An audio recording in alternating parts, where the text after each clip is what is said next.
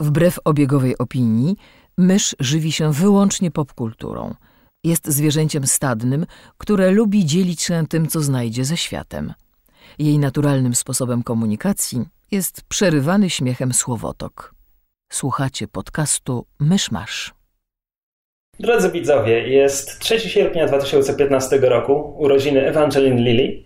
Zapraszamy do 104 odcinka podcastu Myszmasz i drugiego odcinka wideo. Czy, czy to jest to, co właśnie robimy?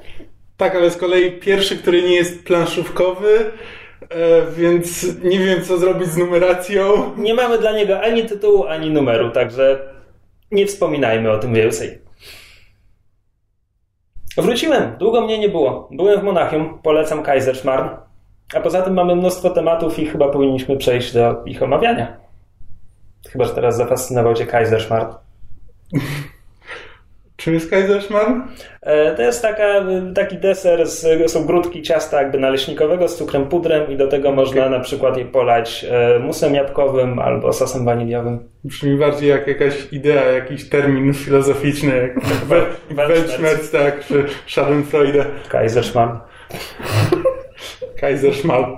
Filozofia chleba. Pieniądze dla cara, e, dla księcia. Króla? Kaiser? Cesarz. Cesarz. No to byłem blisko stary. Prawie. Wow. Włączyć kamerę, naprawdę. Tak, i bardzo dobrze korzystamy z tego wizualnego medium. Presents. Don't look at me. E, czy mamy jakieś newsy na start? Może tak. Jest plotka, że podobno Channing Tatum bardzo możliwe, że zrezygnuje z grania w Gambicie. Tak, ale jest kontrplotka, że Fox robi co może, żeby go zatrzymać i jakby nie poświęcałbym temu uwagi, dopóki się znaczy... nie, wy, nie wykrystalizuje jedna konkretna plotka. No właśnie, znaczy ja jakby... Plotki, Albo nawet fakt? Plotki plotkami, ja w każdym razie po cichu bardzo liczę na to, że, że jednak uda im się go przekonać, żeby został w tej takiej podwójnej roli, jakby, znaczy w sensie w głównej roli i jako producent, bo jakoś bez niego to ten film przestaje mnie w ogóle kręcić. Z nim ten film nigdy mnie nie kręcił. Oj, cicho! Wiesz co, jeszcze mógłby wrócić na pokład Taylor Kitsch. Uf. To jeszcze wolę, wolę prawdę mówiąc, Tatuma. Zagubieni skończyli się dawno temu. Co teraz robi Josh Holloway? A tak, widziałem, widziałem te, te, te plotki, no, że byłby Fani dobry. zawsze go obsadzali w tej roli. Znaczy fani głównie Josha Hollowaya, ale... E, z innych nowych rzeczy pojawił się kolejny zwiastun Spectre, czyli kolejnego Bonda. Chciałem powiedzieć numer, ale zapomniałem. 24? 25? 24. Tak, to będzie... Czwarty, bo to będzie czwarty krek. Czwarty krek, a ostatni Brosnan, bo to był 20. 20 plus 4? 24. Magia. Myślę, że Matematyka nigdy nie była moją mocną stroną. Strasznie mi się muzyka podobała w tym zwiastunie, a sam zwiastun to będzie strasznie dziwny film. Tam tyle scen jest, jest jak w jakimś mroku niesamowitym. Oprócz te, tego... No, alpejskiego śniegu i Meksyku. Tak, tak, i Meksyku. Wygląda fajnie. Wygląda fajnie. No Christoph Waltz zawsze go lubię, w czym by nie grał. Mm. Ale Christoph Waltz tutaj po prostu znowu gra wesołego nazistę. Czy takie mam wrażenie, że gra właśnie takiego typ tego złego, który jest bardzo uśmiechnięty i to jest w nim najbardziej niepokojące. Może, prawdopodobnie. Wiesz co, no, Znaczy, no niewiele go tutaj było widać. No. Twórcy na razie wciąż trzymają się wersji, że nie jest Blofeldem, pomimo tego, że ubrali go jak Blofelda w tym zwiastunie. Mówię, nawet się okaże, że to będzie jakiś Josip Blofeld, jakiś kuzyn oryginalnego Blofelda. Może być choćby Stanisław Blofeld był Polakiem. Tak? Hmm. E, bodajże po Uniwersytecie Warszawskim i A. Politechnice Gdańskiej jest taka uczelnia? Jakoś tak. Dowiadujemy się tego w Tajnej Służbie i Królewskiej Mości. W filmie to jest powiedziane? Wydaje mi się, że tak, jak jest dialog właśnie a propos tego, że Blofeld chce dostać tytuł szlachecki i Bond z nim jako ten specjalista od genealogii rozmawia właśnie, że coś tam chyba wykształcony. No, no mam takie dziwne wrażenie. Nie przypominam sobie, żeby to padło w filmie, ale nie wykluczone. A może zmyślam. Bardzo możliwe, że zmyślam. Natomiast ja ostatnio dużo o Bondzie, e, przede wszystkim zacząłem słuchać podcastów, w którym omawiają każdy film po kolei. Hmm. Więc dużo ostatnio o Bondzie myślałem i postanowiłem w końcu przeczytać Bonda, czego nigdy nie zrobiłem wcześniej. E, zwłaszcza dlatego, że słyszałem dobre rzeczy o najnowszej powieści o Jamesie Bondzie, napisanej w 2013 roku e, przez Williama Boyda. Ian Fleming nie żyje od jakiegoś czasu. No właśnie, tak mi się zdawało. E, właśnie. E, więc pomyślałem, okej, okay, to brzmi dobrze, a potem pomyślałem, zaraz, no ale jeśli mam przekonać się, jak Bonda piszą teraz, to powinienem wiedzieć, jak Bonda pisano dawniej, oryginalnie. W związku z tym kupiłem sobie dwupak Pozdrowienia z Rosji Fleminga i powieść solo Williama Boyda. I przeczytałem w kolejności chronologicznej. A propos kolejności chronologicznej, e, pewnie wiecie, że filmy po pierwsze mają niewiele wspólnego z książkami, a po drugie e, nie mają nic wspólnego z kolejnością, w jakiej powstawały powieści. Więc pozdrowienia, e, pozdrowienia z, film nie nazywa się Pozdrowienia z Moskwy? From wydaje, Russia to... with Love. Tak, ale wydaje, zawsze mi się wydawało, że polski tytuł jest Pozdrowienia z Moskwy. Nieważne, w każdym razie film na podstawie tej powieści to jest drugi w cyklu o Bondach, a sama powieść jest chyba czwarta, piąta albo nawet szósta. Więc na początku mamy scenę, gdy źli Rosjanie rozmawiają o karierze Bonda i w zasadzie wymieniają niemalże z nazwy jego przygodę w Casino Royale, e, przemyt diamentów z diamenty są wieczne i tak dalej, i tak dalej. I tak, Pozdrowienia z Rosji to jest dziwna książka. To jest po prostu nawet nie bardzo wiem, jak to określić. A film jest w miarę wierny. Tu, tu akurat to nie jest tak, że w filmie dużo zmieniono i wydaje mi się, że z tego co wiem o innych powieściach, że to może być film, który jest najbliżej książki, a przynajmniej jeden z, z najbliższych książkom. E, tylko, że fabuła filmu w ogromnym skrócie, przepraszam za 50-letnie spoilery. Mm, Bond dowiaduje się, że w Stambule w ambasadzie rosyjskiej jest e, młoda kobieta, która skontaktowała się z angielskim wywiadem, że chciałaby przejść na ich stronę e, i w prezencie weźmie ze sobą rosyjską maszynę szyfrującą. E, tylko, że ma jeden warunek, ma po nią przyjechać James Bond, bo przeglądając rosyjskie akta, zakochała się w jego zdjęciu. Aha. Angielski wywiad myśli sobie. Okay, to jest książka sprzed 50 lat. Angielski wywiad myśli sobie, to jakaś pułapka, ale hej, maszyna szyfrująca, warto w tę pułapkę wejść. No i Bond jedzie do Stambułu, spotyka się z dziewczyną, e, bierze ją i maszynę szyfrującą, pakuje się w Orient Express. To była pułapka, Rosjanie próbują go zabić, o czym dziewczyna nie wiedziała. Bond wydostaje się z pułapki, tylko że to wszystko było jeszcze dodatkowo intrygą Spectre, bo Spectre ma swoich ludzi w rosyjskim wywiadzie i to Spectre zainspirowało całą akcję. Dlatego, że ten rosyjski zabójca tak naprawdę pracuje dla Spectre i po zabiciu Bonda tę maszynę szyfrującą ma przekazać nie z powrotem Rosjanom, tylko w ręce Spectre i Spectre zależy na maszynie szyfrującej. Czyli w fincie, finty, finta, tak? Mamy mm -hmm. intrygę rosyjską i intrygę Spectre. No więc w powieści nie ma Spectre. Nie ma. Po prostu nie ma, nie nazwę tego zwrotem akcji, ale po prostu nie ma tego dodatkowego poziomu -hmm. komplikacji. Jest za to konstrukcja powieści, której nie rozumiem. To znaczy, książka ma niecałe 280 stron, Bond pojawia się na 101. Pierwsze 100 stron to jest rosyjska perspektywa. Hmm. Poznajemy złego mordercę, czerwonego Granta. Trochę jak Jonathan Strange i pan Norel. Żeby. E, poznajemy rosyjską wierchuszkę wywiadu, która planuje akcję. Poznajemy Rozę Klep, szefową Śmierz, e, czyli złą kobietę. Szefową czego? Śmierć szpionam, śmierć szpiegom. A. E, poznajemy dziewczynę, która będzie przynętą. Po prostu mamy 100 stron rosyjskiej perspektywy na całą sprawę i wyłożoną całą intrygę. Ha. A potem mamy kolejne 170 stron, gdzie Bond. Ta intryga się rozgrywa. Tak, tak jak ta, intry... gdzie, ta intryga się rozgrywa. I powiedzmy, że na tych pierwszych 100 stronach nie mamy wyłożonej całej intrygi do całego, do całego końca. Nie ma jej od A do Z, ale jest od A do W mniej więcej. Naprawdę połączenie tej przedostatniej kropki z ostatnią kropką, kiedy już to czytamy, kiedy jest finał powieści, nie jest takie to trudne. Trochę, to trochę tak, jakbyś oglądał Ocean's Eleven i najpierw miał te scenki z przygotowania, z planowania, po czym ten e, zupełnie osobno następnie cały, cały tak. jeszcze raz. Tak, masz, masz wszystko wyjaśnione, a potem widzisz, jak to się rozgrywa. I to jest po prostu nudne. To znaczy, tam nie ma Już mniejsza o to, że znałem film, ale tam nic nie zaskakuje. Wow. E, akcji tak naprawdę też nie ma tak wiele. Natomiast muszę przyznać, że ciekawe jest samo spojrzenie na książkowego Bonda, który, wiesz, ma swoje mieszkanie w Londynie, e, rozmawia ze swoją gosposią.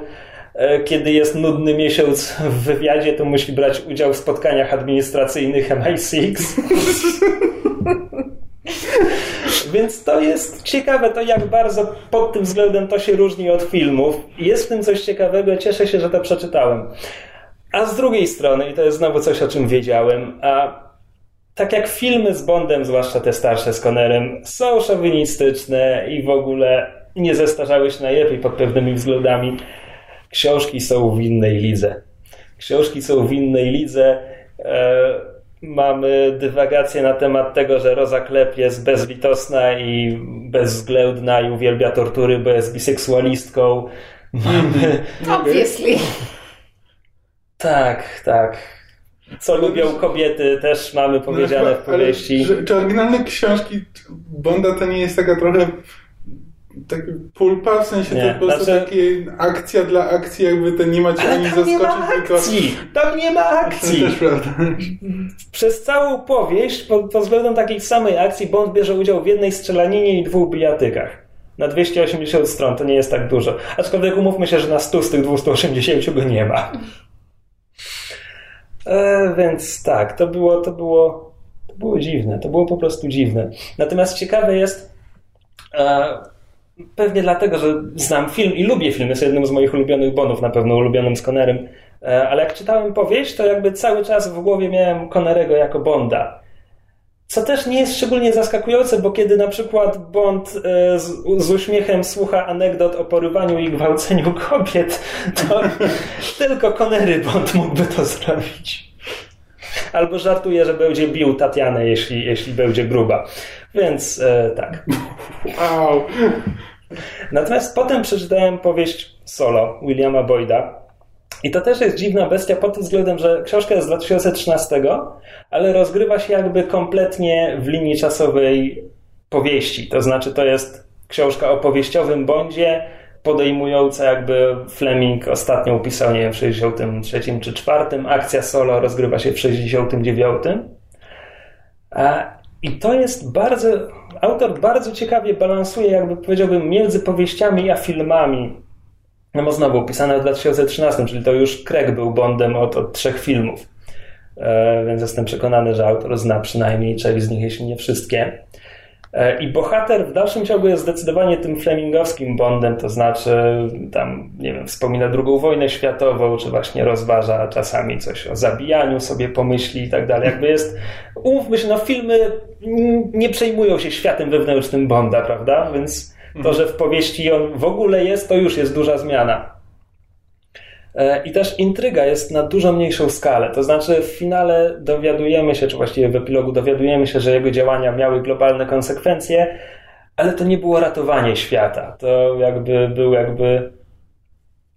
Nawet takie trochę cyniczne, tak naprawdę chodzi wszystko o, o to, o realpolityk, na czym zależy różnym żołdom, na czym zależy wielkim korporacjom i jak działania Bonda się w to wpisywały.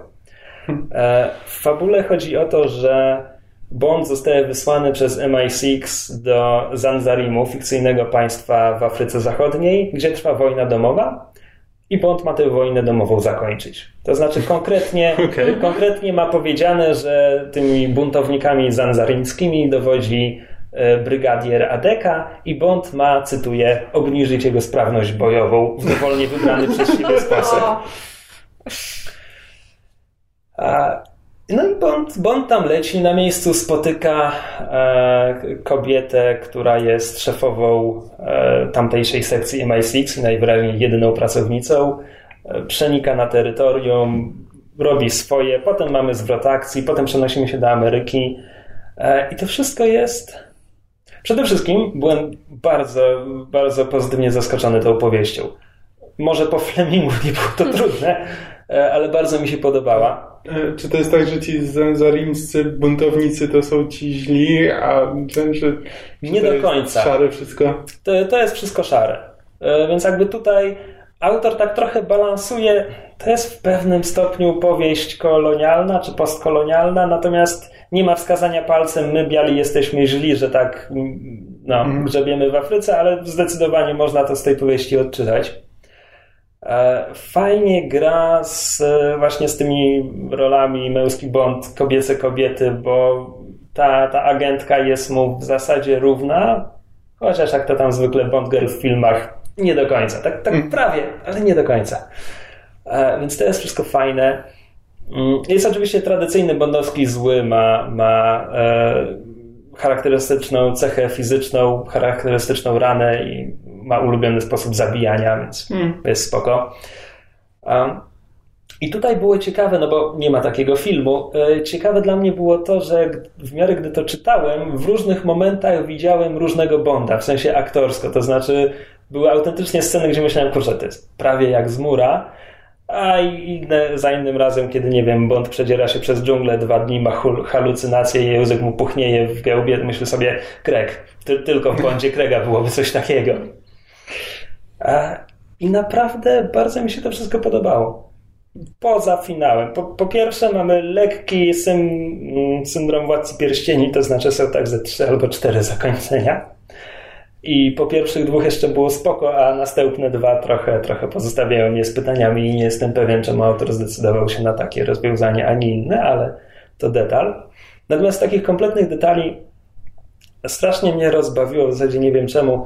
Tutaj też mamy trochę cywilnego życia Bonda. Jest mowa o jego mieszkanku w Chelsea i że zmienił go sposie i w ogóle. I w pewnym momencie akcja toczy się w 69. Mamy powiedziane, że ma umowę na wynajem na następne 44 lata i bądź się zastanawia, że będzie miał wtedy 89. Więc e, krótka matematyka wychodzi nam, że autor z jakiegoś powodu postanowił podkreślić, ile lat będzie miał Bond w roku wydania powieści. Taki detal. Ale tak, e, gdyby ktoś chciał przeczytać Bonda, to solo Williama Boyda zdecydowanie polecam. To po prostu była fajna powieść, thriller szpiegowski, plus Bond naprawdę jest szpiegiem, jakby pod przykrywką działa przez 3 czwarte akcji. Nawet Czyli w filmach nie ma takiego. Przedstawia się wszystkim per James Bond? Przedstawia się jako James Bond, ale jako dziennikarz. A. Um, to takie, wiesz, przebranie jak na Superman. Tak. tak na takiej tak, samej tak, tak zasadzie. Tak. A powieści Fleminga, no dla kontrastu, żeby zobaczyć, jak, jak Bonda pisano oryginalnie i jak Bonda pisze ktoś obecnie, współcześnie i lepiej, e, to można. I też można jako taką ciekawostkę różnicę między książkami a filmami trochę na zasadzie, że ojej, w serialu Gra Tron zabili tego, tego i tego, a w książkach żyją i mają się dobrze.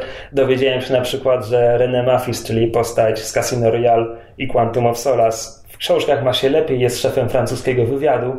Hmm. E, no, to jest, to jest całkiem ciekawe. Plus oryginalne książki są trochę ściślej ze sobą powiązane niż bym w życiu przypuszczał. To znaczy na początku pozdrowień z Rosji Bond wspomina Tiffany Case, czyli swoją dziewczynę poznaną w, diamentach, w Diamenty są wieczne hmm. i w ogóle był z nią w wielomiesięcznym związku i tak sobie myślę, oj, to zupełnie nie jak filmowy Bond.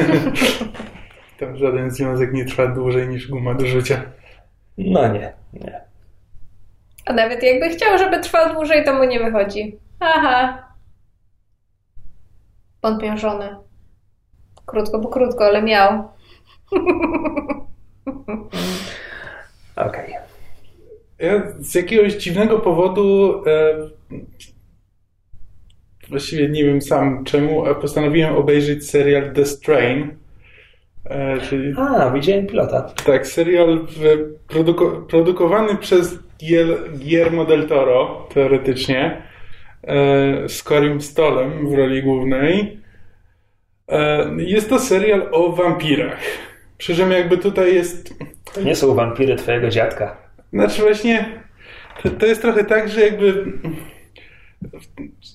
serial stara się połączyć trochę tę magiczną mitologię wampirów z naukowymi wyjaśnieniami. Pseudonaukowymi. No właśnie, dokładnie, że to są, to są takie...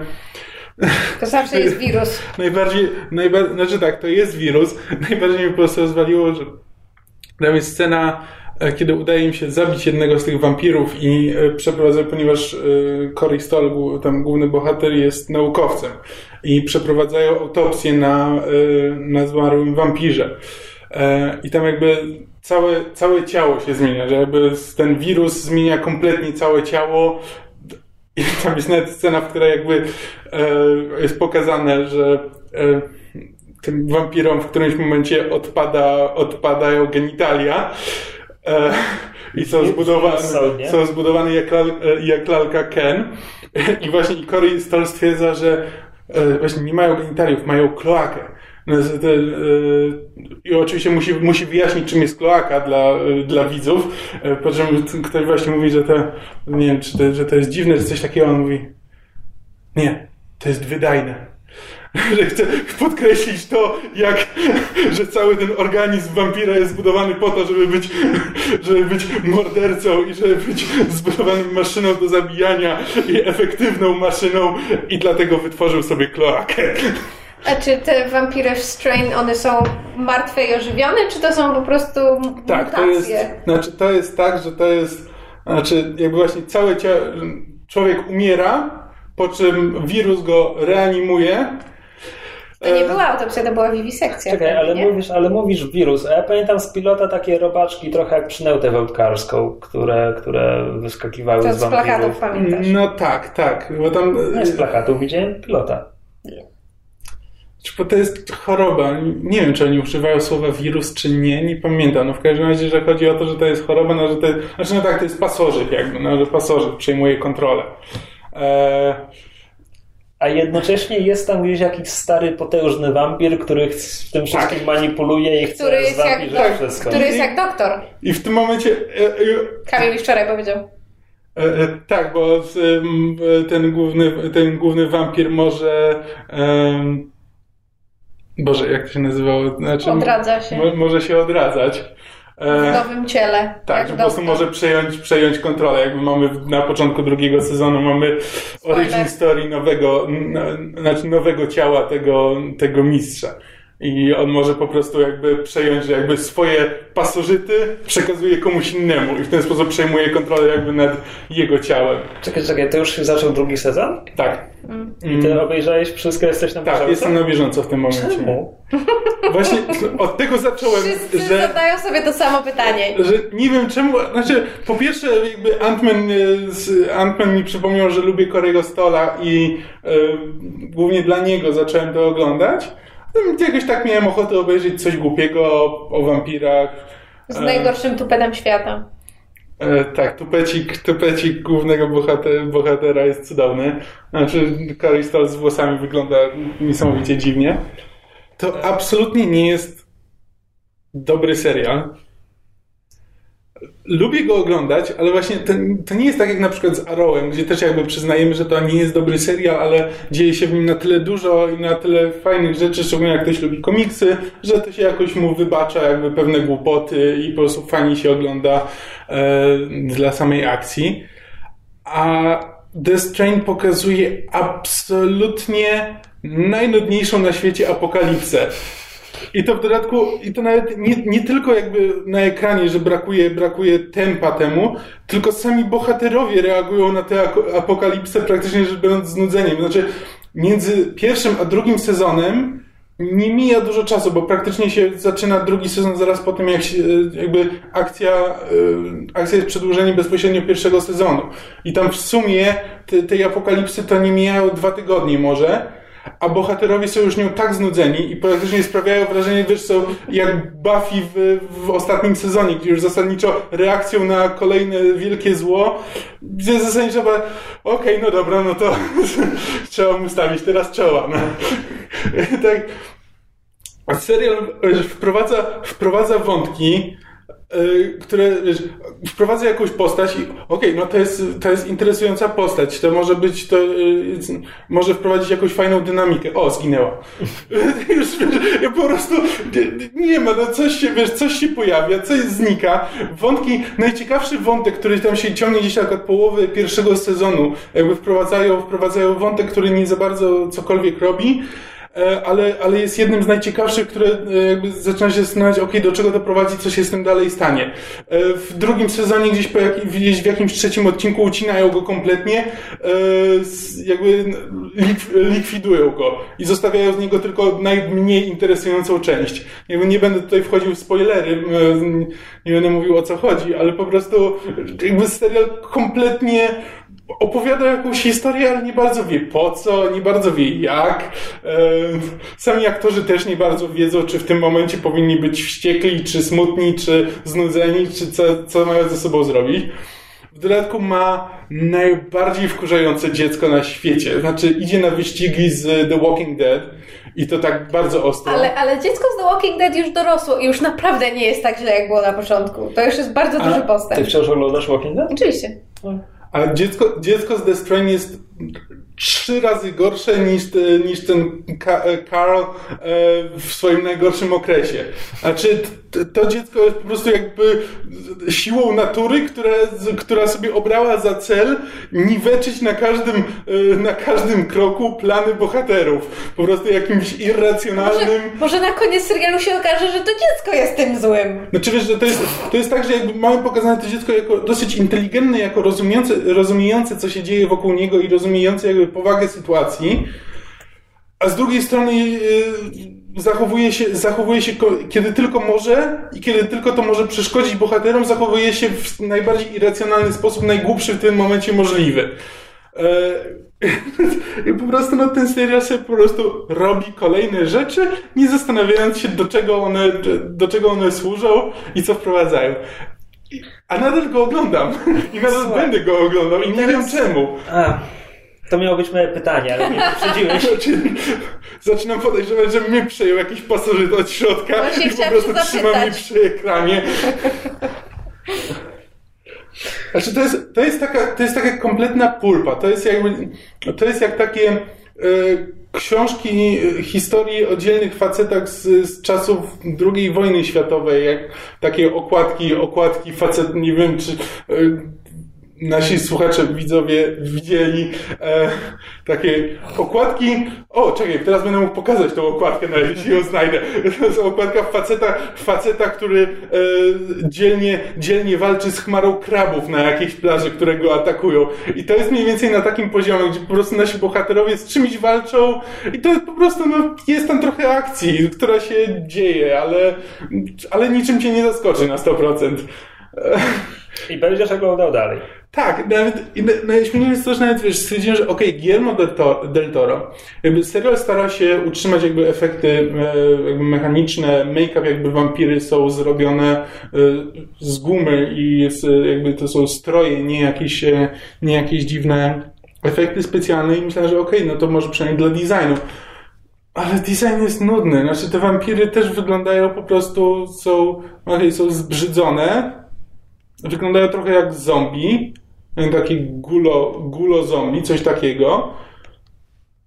I, I to wszystko. I nawet jakby nie ma, wiesz, nie ma jakichś ciekawych, że jakby, szczególnie, że w pierwszym sezonie są takie motywy, że to będzie ok, mitologia, ale jest też wielka korporacja, która jakby pracuje dla tych wampirów. Na, wiesz, i to, to, to jakby ten główny wątek, czyli te wampiry połączone z nauką, no to tutaj będzie trochę właśnie taka magia, mitologia połączona z techniką i korporacjami, co też mogłoby być ciekawe. Ale nie I jest. Też się z tym nic nie dzieje, też po prostu się pojawiają postaci tylko po to, żeby się pojawić. To po prostu cały, wiesz, seriale potrafią spędzić, potrafią wprowadzić jeden jakiś wątek się ciągnie przez jedną trzecią serialu, który do niczego nie prowadzi. Znaczy, gdzie praktycznie w jednym z ostatnich odcinków, no to obserwujemy jednego z w miarę jakby nowych bohaterów. Znaczy, jedna, jedna z postaci, która miała pomniejszą rolę w pierwszym sezonie, jakby ma, ma zyskać ewidentnie jakąś większą rolę w drugim sezonie. I po prostu cały, jedna trzecia odcinka to jest to, jak ona próbuje się dostać z, e, z wyspy, ze, bodajże ze, albo nie pamiętam, z wyspy na, do Nowego, ze Staten Island do Nowego Jorku, albo na odwrót, już nawet nie pamiętam, gdzie po prostu widzimy jej przeprawę z celnikami. To, to jest zasadniczo cały wątek przez cały serial, że, że przez cały odcinek. Tego typu dziwne rzeczy. No, Wciąż nie wiem, czemu to oglądam. Naprawdę nie wiem. A sprawia mi to jakąś serial? dziwną w sensie, przyjemność. Jakiej stacji to jest Netflixa? E, nie, FX. A, FX. A, dobra. Ale słuchaj, poprawcie mnie, jeśli się mylę, jeśli coś wiecie, ale wydaje mi się, że to jest, w sensie, to jest historia Guillermo del Toro. I to jest historia, do której Mm. on jest chyba przywiązany. Nie, to jest na podstawie jakiejś książki. Książki. Ale książka Ale jest Guillermo del jest Toro. Guillermo del Toro. Tak. Jest A. współautorem, Tak, to z kimś jest- tak. pisał. Albo ktoś był ghostwriterem na bazie Znaczy, jego nie wiem, pomysłu. może- Może, są dwa nazwiska, jednym z nich jest Guillermo Znaczy, del to Toro. być może I to jest chyba nawet trylogia książek, a przynajmniej ma być. Znaczy, to jest właśnie, a, to, bo do tego, do tego miałem nawet nawiązać, bo to rzeczywiście jakby, właśnie stąd wynikają te dziwne wątki, gdzie jakby w książce możesz sobie pozwolić na jakiś taki dziwny wątek, gdzie jakby z postacią niewiele się dzieje, ale na przykład ma jakieś przemyślenia, czy obserwuje mi życie, życie wewnętrzne. I można sobie pozwolić na kilka stron y, trochę spowolnienia. I jakby y, z tego, co, z tego, co wyczytałem w internecie, jakby serial bardzo ściśle podąża za książką. I właśnie zbyt, gdzie właśnie te wątki, które uchodzą w książce, przełożone na, y, na język wizualny, kompletnie gubią jakiekolwiek znaczenie. I być może, że to jest, to jest trochę efekt e, po prostu trzymania się Możliwe. zbyt kurczowo materiału źródłowego. Być może Del Toro się za bardzo przywiązał do swojej historii, a być może Del Toro jest mniej więcej zaangażowany w cały projekt, tak jak J.J. Abrams jest zaangażowany w swoje seriale, gdzie po prostu przychodzi na dwa odcinki pierwsze, a potem zostawia to w cholerę komuś innemu.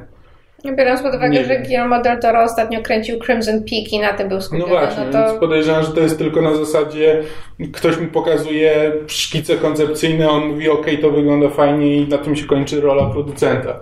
Ale basically oglądasz, ale nie polecasz. Nie, nie, nie polecam.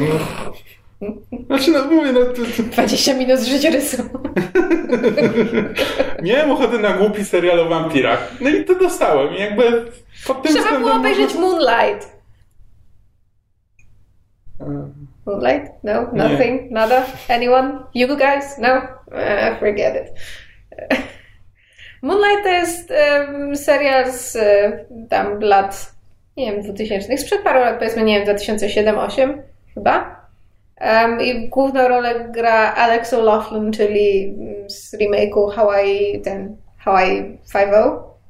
A, Um, myślałem, że I- powiesz, że Hawaii Macie. Nie.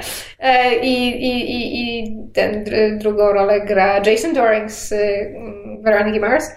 I to jest serial, który jest śmieszny, dlatego że on miał kilkanaście odcinków i chyba nawet pierwszy sezon się nigdy nie skończył, bo serial został zdjęty z anteny. Ale ma właśnie taki cudowny ni to 90s, ni to 2000 feel właśnie taki o wampirach i też próbuje tworzyć jakąś taką większą mitologię, e, ale ponieważ serial się skończył przed czasem, nigdy, nigdy do niczego nie, nie doprowadził, ale Tak, jak na... klasyczny Właśnie- klimat wampirzych historii z początków XXI Właśnie wieku. To by mi przeszkadzało w tym momencie, bo ja właśnie The Strain oglądam na zasadzie, że jestem ciekaw, do czego doprowadzą te wątki. Mimo, że jakby już się nauczyłem, że prawdopodobnie do niczego, to cały czas mam jakąś taką głupią nadzieję, że okej, to wygląda ciekawie, to mogłoby doprowadzić do czegoś interesującego. Ale to jest, tak, to jest tak fascynujące patrzeć, jak Kamil żyje złudzeniami, jeśli chodzi o serial, bo Nie, zazwyczaj to ja To jest kompletny syndrom sztokholmski. Po prostu ten, ten serial mi wziął za zakładnika i po prostu w tym momencie uznaję, że to musi być geniusz, bo inaczej zmarnowałem kilka godzin swojego życia na nic, więc to musi być genialny serial i czekam na ten moment, kiedy się stanie genialnym serialem. Mówmy się, są takie Nie znam już innego życia. Są takie seriale, które przez bardzo, bardzo długi czas wkurzają tym, że właśnie, nie wiem, źle prowadzą wątki, czy do niczego ich nie prowadzą, a potem pojawia się ten jeden odcinek zazwyczaj finałowy, gdzie nagle jest, wiesz, opad szczęki takie o, nie wierzę, że to zrobił. Masz jakiś przykład? Once Upon a Time. To jest serial, który za każdym razem, jak się zaczyna nowy sezon, to pierwsze, pierwsze odcinki, jakby zazwyczaj kontynuujące wątki z poprzedniego sezonu są bardzo fajne. E, Bardzo fajne są jakby konsekwentnie fajne jest to, jak w kolejnych sezonach wprowadzane są nowe postacie z, z disneyowskiego kanonu i jak one są jakby e, po- podkręcone, jak twórcy je jakby wprowadzają twist do nich. Natomiast jakby konsekwencja w prowadzeniu charakterów postaci i tego, jak one się zachowują, jak reagują na pewne wydarzenia albo jak zmieniają się relacje między bohaterami, są ta, tak absolutnie bezsensowne, że ja po prostu z odcinka na, na odcinek w każdym kolejnym sezonie narasta moja frustracja, a potem dochodzi do finału w momencie, kiedy ja już totalnie stwierdzam, dobra, obejrzę finał i to jest ten sezon, na którym skończę oglądać, bo ja już nie mogę, ta postać by się tak nie zachowała, to jest wszystko bzdura, oni to robią dla taniej podniety i nie... Dlaczego się cały czas na moje uszy? My eyes are down here. no, co ja mówiłam? A, że, że, że źle prowadzą te postacie, a potem przychodzi finał i jest po prostu... I stwierdzam, że muszę oglądać kolejny sezon, bo po prostu twórcy, twórcy jakby ten zdążyli y, ponownie wbić ze mnie hak, znaczy wbić we mnie hak i, i przyciągnąć mnie bliżej. Więc są takie seriale, ale nie liczyłabym na to, że Strain do nich należy. Nie, nie. Zresztą wiesz, że jak niektóre zwierzęta mają na ciele duże, barwne koła, żeby jeśli zaatakuje je drapieżnik, to atakował je w ogon. To uszy przyciągają spojrzenie, no nic nie poradzę. E, ale skoro już tak nam opowiadasz o serialach, to może masz coś, co widziałaś ostatnio? E, wiesz co, ja ostatnio, jeśli chodzi o seriale, to wyjątkowo się, e, znaczy wyjątkowo zaniedbałam seriale. To, to nie musi być serial. Czytelnicy wiedzą moi, że mam bardzo dużo zaległości z Hannibala, i z iZombie, i z wielu różnych innych seriali. E, natomiast ostatnio obejrzałam Właściwie nawet nie wiem dlaczego. Motyw przewodni dzisiejszego odcinka. I don't know why. Znaczy wczoraj obejrzałam e, Mission Impossible Ghost Protocol, ale o tym już pisałam na, na, na, u siebie na fanpage'u, więc nie będę, nie będę się powtarzać. W każdym razie Mission Impossible jako seria nadal należy do, do moich ulubionych i, i, i fajnie, że sobie przypomniałam zanim do King wejdzie Rogue Nation, bo o czym kompletnie zapomniałam, okazuje się, że ostatnie dwie czy trzy linijki tekstów e, Mission Impossible Ghost Protocol, czyli w czwórce, odnoszą się bezpośrednio do, do fabuły piątki, bo w końcówce czwór, czwórki mamy zdanie, gdzie tam, prawda, Ethan Hunt y, y, dostaje kolejną misję i tam, prawda, głosik w, w słuchawce mówi, że um, dowiedzieliśmy się o jakiejś tam e, organizacji, y, która pod nazwą The Syndicate, które coś tam zaczyna nam bruździć, nie wiem, włamali się do naszych dronów i musisz nam z tym pomóc.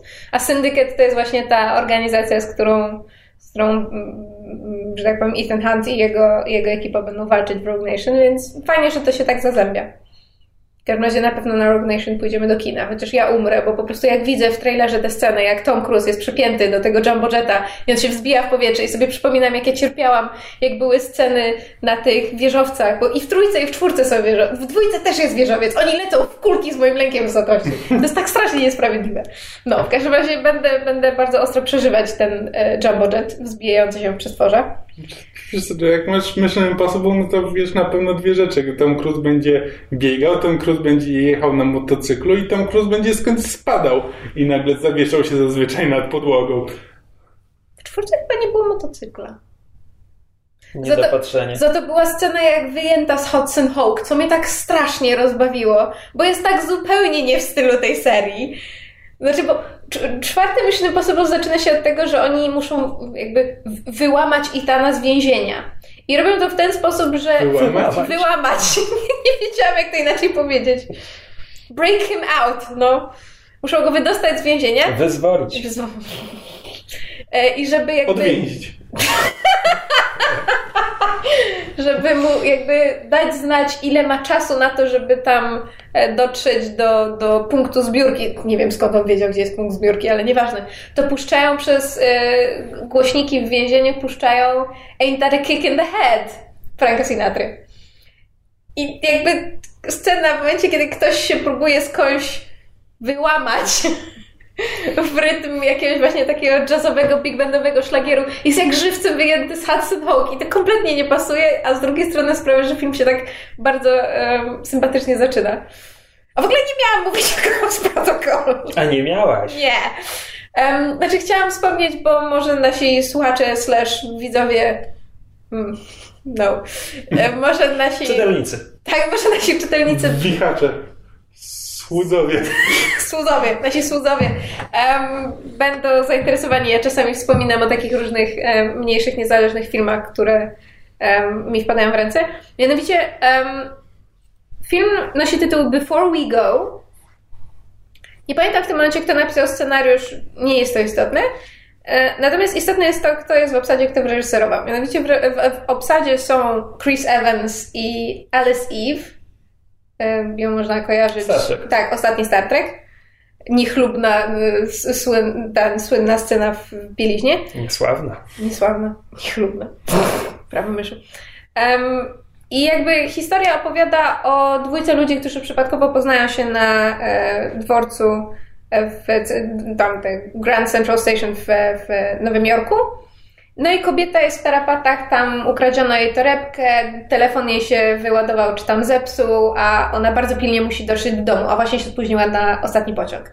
No i tam Chris Evans gra, gra muzyka, który akurat był tam na, na dworcu, grał na, na trąbce i stwierdza, że on jej pomoże. No i jest, y, cały film rozgrywa się w ciągu tej jednej, jednej nocy właściwie, kiedy on jej pomaga, próbuje pomóc um, w miarę możliwości dotrzeć do domu. No i oni, żeby tam, prawda, spóźniła się na pociąg, więc próbują zaprowadzić na autobus, ale autobusy nie jeżdżą, więc próbują wziąć taksówkę, ale nie mają pieniędzy, więc potem jadą gdzieś do jakichś jego znajomych, żeby od nich pożyczyć pieniądze, ale ci znajomi są gdzieś indziej. No, jakby wszystko jest bardzo schematyczne, ale jest jakby... Jakby jeszcze szukali roweru, to byłby neorealizm. e, natomiast e, jakby bardzo fajnie są poprowadzone Platypus. Platypus. Bardzo fajnie poprowadzona jest relacja między, między tą dwójką bohaterów, jakby to, jak ona się, jaką przechodzi sinusoidę w, w trakcie trwania całego filmu, bo z jednej strony widzimy, że oni się mają ku sobie, jest tam jakaś chemia, a z drugiej strony on próbuje być tym the good guy, który po prostu bezinteresownie pomaga kobiecie, a ona z drugiej strony jest jak się dowiadujemy, jest mężatką, ale potem się dowiadujemy, że może nie do końca szczęśliwą, więc może rzeczywiście coś jest na rzeczy. A on z kolei dopiero przed chwilą y, zakończył bardzo poważny związek i, i nadal, nadal go odchorowuje, więc bardzo się to w, w różnych miejscach zazębia. Czekaj, przypomnij, film toczy się współcześnie, prawda? Tak, tak, tak. jak najbardziej. I Ale to... w tej rzeczywistości nie istnieją telefony komórkowe. E, istnieją, natomiast jej, e, jak biegła Został na. Nie, jej, jak biegła na, na pociąg, to jej wypadł z kieszeni i się rozpiżył w drobny mak, a jemu się bateria wyładowała. Oczywiście. Więc, ale też, więc e, nawet jest parę scen, kiedy korzystają z, z payphone, budek telefonicznych. Więc jakby to nie jest tak, że po prostu się poruszają po mieście, bo nie istnieją telefony, są sceny, kiedy pożyczają telefon od kogoś tam, nie wiem, na przystanku autobusowym, więc to nie jest tak, że film uparcie próbuje im kłaść kolejne kłody pod nogi tylko po to, żeby oni się um, musieli... Um, musieli być razem, musieli spędzić tę noc razem. I jest parę, parę scen, gdzie jakby oni się tam kłócą, a potem stwierdzają, że może jednak znaczy, że lepiej spędzić tę noc razem platonicznie, w sensie, że jakby lepiej sobie nawzajem spróbować pomóc, niż się po prostu rozstać i pójść każdy w swoją stronę.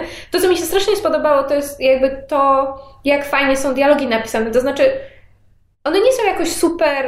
Um, nie wiem, jakoś super bystre, czy takie. Um, Ultra ciekawe. Tak, u, znaczy wiesz, super, nie wiem, jakieś inteligentne i błyskotliwe. O, to jest słowo, które użyła, nie bystre, błyskotliwe. Nie są jakieś super błyskotliwe, ale jakby są, wypadają bardzo naturalnie i też to, jak e, Chris Evans i Alice Eve grają te postacie, jak um, mówią te dialogi, bardzo, bardzo mi się podobało. W ogóle jakby bardzo fajną mieli chemię na, na, na ekranie, co dla mnie było tyle zaskoczeniem, że tak jak Chris Evansa lubię, tak do Alice Eve miałam zupełnie ambiwalentne uczucia, bo w Star Treku miała na tyle niewielką rolę, że właściwie nie bardzo nie bardzo byłam w stanie nabrać do nich jakiej, jakichkolwiek konkretnych uczuć. Natomiast, natomiast to, co jest w tym wszystkim najciekawsze, jest reżyser. Bo to jest film w reżyserii Chrisa Evansa, to jest jego debiut reżyserski. I nie jest to um, jakiś, prawda, super wymyślny film na pierwszy raz i może i dobrze, no bo prawda, to nie są żadne tam, nie wiem, wybuchy, efekty specjalne czy, czy coś takiego. Trzeba po prostu, prawda, śledzić kamerą losy dwójki, dwójki um, osób na mieście. Natomiast jakby klimat tego, ładnie jest to nakręcone. To znaczy, są na przykład niektóre ujęcia są. Może tak, ja bym na nie nie wpadła. Widziałam już je w innych filmach niezależnych, czyli jakby to jest, mam wrażenie, że Chris Evans właśnie próbował nakręcić film niezależny i, i to mu się udało. Natomiast no, jakby... miał doświadczonego operatora, który mu tam... Tak, no, no, bardzo możliwe, bo to w ogóle jest film, który ogląda się jak taki właśnie typowy film niezależny, gdzie, gdzie wszystko jest fajnie, ale to nie jest jakoś super, it's not up there. Po prostu bardzo, bardzo e, konsekwentnie e, ten, do, dobra jakość przez cały film. Natomiast właśnie jest o tyle ciekawe, że jeżeli ktoś lubi, lubi Chrisa Evansa, a on się odgrażał, że jak, jak skończy się jego kontrakt z Marvelem, to właśnie chciałby bardziej przejść za kamerę i zacząć więcej reżyserować, to może warto y, sprawdzić jego, jego debiut, zobaczyć jak sobie poradził. No w każdym razie, jeżeli ktoś lubi um, filmy niezależne, komedie romantyczne, które są nie do końca komedią i nie do końca Ani romantyczne. ani romantyczne. Znaczy właśnie, znaczy nie, są, są śmieszne i są romantyczne, ale nie są, nie, nie są typowym romkomem, e, to, to, to polecam. Naprawdę bardzo, bardzo, bardzo sympatycznie się bawiłam, bardzo fajnie się to oglądało. Ramką. Brzmi jak politbiuro.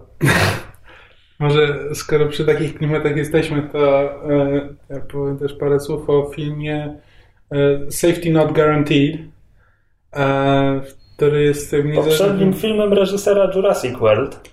E, tak, tak. W pewnym razie, jak to sprawdzaliśmy, to chyba... E, znaczy, to jest film e, braci Duplas. E, Musisz mi coś powiedzieć o Duplasach. Znaczy, bracia Duplas to jest to... Oni nakręcili też The One I Love. O którym mówiliśmy w podcaście. Mówiłem. E, I... To był taki dziwny film o parze, parze która znajduje swoje kopie. Tak, pamiętam, pamiętam. E, i ja mam, mam wrażenie, że też wspominałam o ich serialu. A, tak, chyba tak.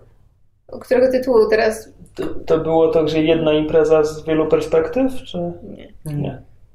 Znaczy, zapomniałam, jak się teraz nazywa. Bracia Duplas to nawet ostatnio czytałem. Togetherness. A, There it is. Tak się nazywał serial Duplasów. Tak. A co to był za serial? Um, o, o mężu i żonie i siostrze żony i najlepszym przyjacielu męża i jak oni się... Znaczy taki jakby dramat rodzinny o, o losach takiej właśnie grupy ludzi w, w Los Angeles. To o tym chyba nie mówiłaś w podcaście. Mam wrażenie. A jak nie to planowałam, a jak nie to u mnie na blogu jest recenzja. Czy, ostatnio czytałem artykuł o braciach Duplas, bo oni się jakby tak osadzili w Hollywood e, jako właśnie tacy mm, specy od filmów indie. Jakby mają takie podejście do filmów, że jakby tworzą filmy od końca, znaczy znajdują na przykład, mają jakiś plan do dyspozycji, czy jakieś, jakąś fajną miejscówkę, albo jakiegoś aktora, który ma teraz chwilę wolną i chce dla nich zagrać i jakby na podstawie tego, co mają do dyspozycji, wymyślają film, który, który do tego pasuje. I jakby i są naprawdę, znaczy no mówię, The One I Love jest świetnym filmem, który bardzo, bardzo mocno polecam. Mm. I Safety Not Guaranteed też jest, też jest bardzo fajny. Znaczy, to jest jakby oparte o taki mm, żarcik autentyczny, bo ktoś kiedyś w gazecie, w jakiejś gazecie umieścił ogłoszenie, że szukam, szukam partnera do podróży w czasie, właśnie Safety Not Guaranteed, że bezpieczeństwo nie jest gwarantowane. E, robiłem to tylko raz do tej pory. I po prostu ktoś wrzucił jakieś takie tego typu ogłoszenie do gazety i jakby to jest inspiracja dla tego filmu. E, I to całkiem dosłowną inspiracją, na zasadzie, że zaczyna się od tego, że gra tam Audrey Plaza, właśnie jeden z braci Duplas e, i podejrzę Oscar Isaacs, to jest chyba... Nie, to, jest to nie jest Oscar nie. Isaacs, to jest ten aktor, którego imienia teraz nie pomnę, a który gra w... Um, Może Jason the Isaacs, the new, się zawsze Nie, The New Girl. A tak, dobrze. Ja nie wiem, czemu ich pomyliłem. They kind of look similar, ale to, to, nie, to nie był Oscar to Isaacs. Razie nie pamiętam, jak on się nazywa. w każdym razie... I zaczyna się właśnie od gazety. E, jakby Audrey Plaza gra to, co zawsze Audrey Plaza gra w każdym filmie, to znaczy outsiderkę, która nie może sobie znaleźć miejsca w życiu i zasadniczo nikogo, nikogo ani niczego nie lubi. E, I dostaje staż w gazecie. I na właśnie spotkaniu, na takim e, brainstormie, jaki temat mogliby zrealizować, no to właśnie ta postać tego faceta, który nie jest Oscarem Isaacsem, e, rzuca, że właśnie znalazł takie ogłoszenie i chciałby pojechać i się po prostu zrobić e, histori historię o tym facecie, który zamieścił to ogłoszenie, żeby zobaczyć, czy jest wariatem, czy, e, czy naprawdę mu się wydaje, że chce, że e, będzie podróżował w czasie i o co, o co w ogóle chodzi. Po czym jak się później dowiadujemy, to on tak naprawdę chce tam pojechać, bo tam mieszka jego e, miłość z nastoletnich czasów, jego pierwsza miłość, którą, e, którą chce znaleźć i odbudować e, związek. E, być może. No i zabiera właśnie te dwóch stażystów, e, e, jednego młodego Hindusa i właśnie Audrey Plaza. I spotykają tego, spotykają tego faceta. Jakby Audrey Plaza nawiązuje z nim, e, nawiązuje z nim właśnie taką relację, bo on też jest takim trochę niepasującym do świata outsiderem, więc jakby zaczyna, zaczynają ona, ona się próbuje dowiedzieć właśnie co on planuje, ale zaczyna go bardzo lubić i wytwarza się między nimi taka przyjaźń z pewnym wątkiem romantycznym. E, a po drodze w, w międzyczasie ten, e, ten ich przełożony, ten redaktor właśnie próbuje z kolei nawiązać romans z tą swoją starą miłością. I to jest taki właśnie indie film, który jest troszkę taki e, komediowy, ale nie w taki jakby, że to nie są gagi, tylko po prostu taki obyczajowo-komediowy film. Jakby każdy... Ja cię zaraz smyrnę po czymś! Cholero jedna! Napaść! Napaść! Już nie będę. Patrzeć, ale nie dotykać. No. Znaczy, I to jest taki właśnie spokojny, spokojny film z całkiem fajnymi dialogami. I właśnie o znajdowaniu sobie miejsca w życiu i o niepowodzeniach i jak sobie z nimi radzić. E, I bardzo jest, bardzo jest miło, jakby jest pełen serca, takiego, takiego ciepła e, i bardzo przyjemnie się go ogląda. E, I bardzo też, bardzo mocno go polecam. Skoro jesteśmy przy takich obyczajowych klimatach, bardzo obyczajowych, E, obejrzałem kolejną produkcję studia Ghibli, tym razem film pod tytułem angielskim From Up on Poppy Hill i Myszu może kojarzysz polski na Makowym Wzgórzu albo jakaś wariacja, coś z Makowym Wzgórzem na pewno. Polskie tytuły. E, japońskiego nie pomnę w każdym razie. E, I to jest animacja wyreżyserowana przez Goro Miyazakiego, czyli syna tego właściwego Miyazakiego której akcja toczy się w roku 63 e, w Yokohamie i dotyczy dwojga uczniów miejscowej szkoły. Mówię szkoły, nie chcę powiedzieć gimnazjum, liceum, bo wiek bohaterów jest chyba niesprecyzowany, a ja nie byłem w stanie go odgadnąć. Um, ona jest um, jej ojciec był kapitanem statku, który zginął w wojnie koreańskiej. Teraz e, pomaga swojej babci prowadzić pensjonat dla młodych dziewcząt i tam strasznie, strasznie ciężko w nim pracuje. Plus do tego jest oczywiście dobrą uczennicą, bo anime.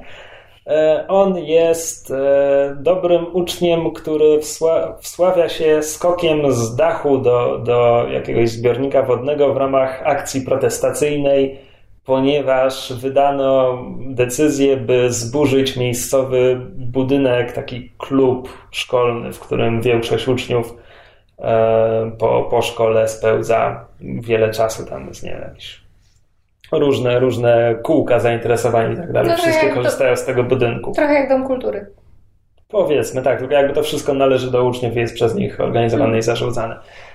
E, i tak, no mamy lata 60., więc te, te strajki uczniowskie to jest coś, co w Japonii było wtedy popularne, co ja wiem teraz, bo dopiero co przeczytałem Norwegian Wood, gdzie jest o tym mowa, e, plus okres jest mniej więcej podobny, to znaczy bohaterowie From Upon Poppy Hill, jak dorosną jeszcze parę lat, to będą akurat w czasach i wieku bohaterów Norwegian Wood, więc to się jakoś ładnie przypadkowo uzupełnia.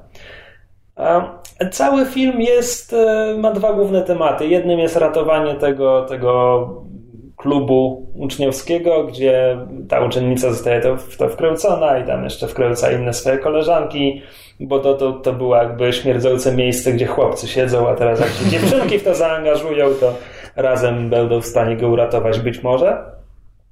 A drugi temat to jest właśnie ich relacja, która szybko zamienia się w relację romantyczną, a potem pojawiają się trudności, ponieważ oczywiście, że się pojawiają. I teraz tak, e, ten wątek odnawiania klubu to jest przyjemne, tam się nic szczególnego nie dzieje, ale to się w miarę fajnie ogląda.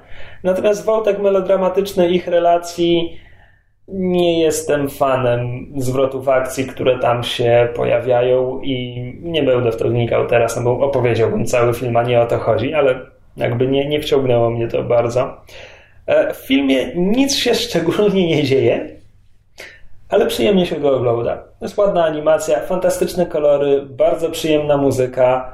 No i po prostu to jest taki kawałek życia. Więc jeśli ktoś lubi takie rzeczy, to oczywiście warto.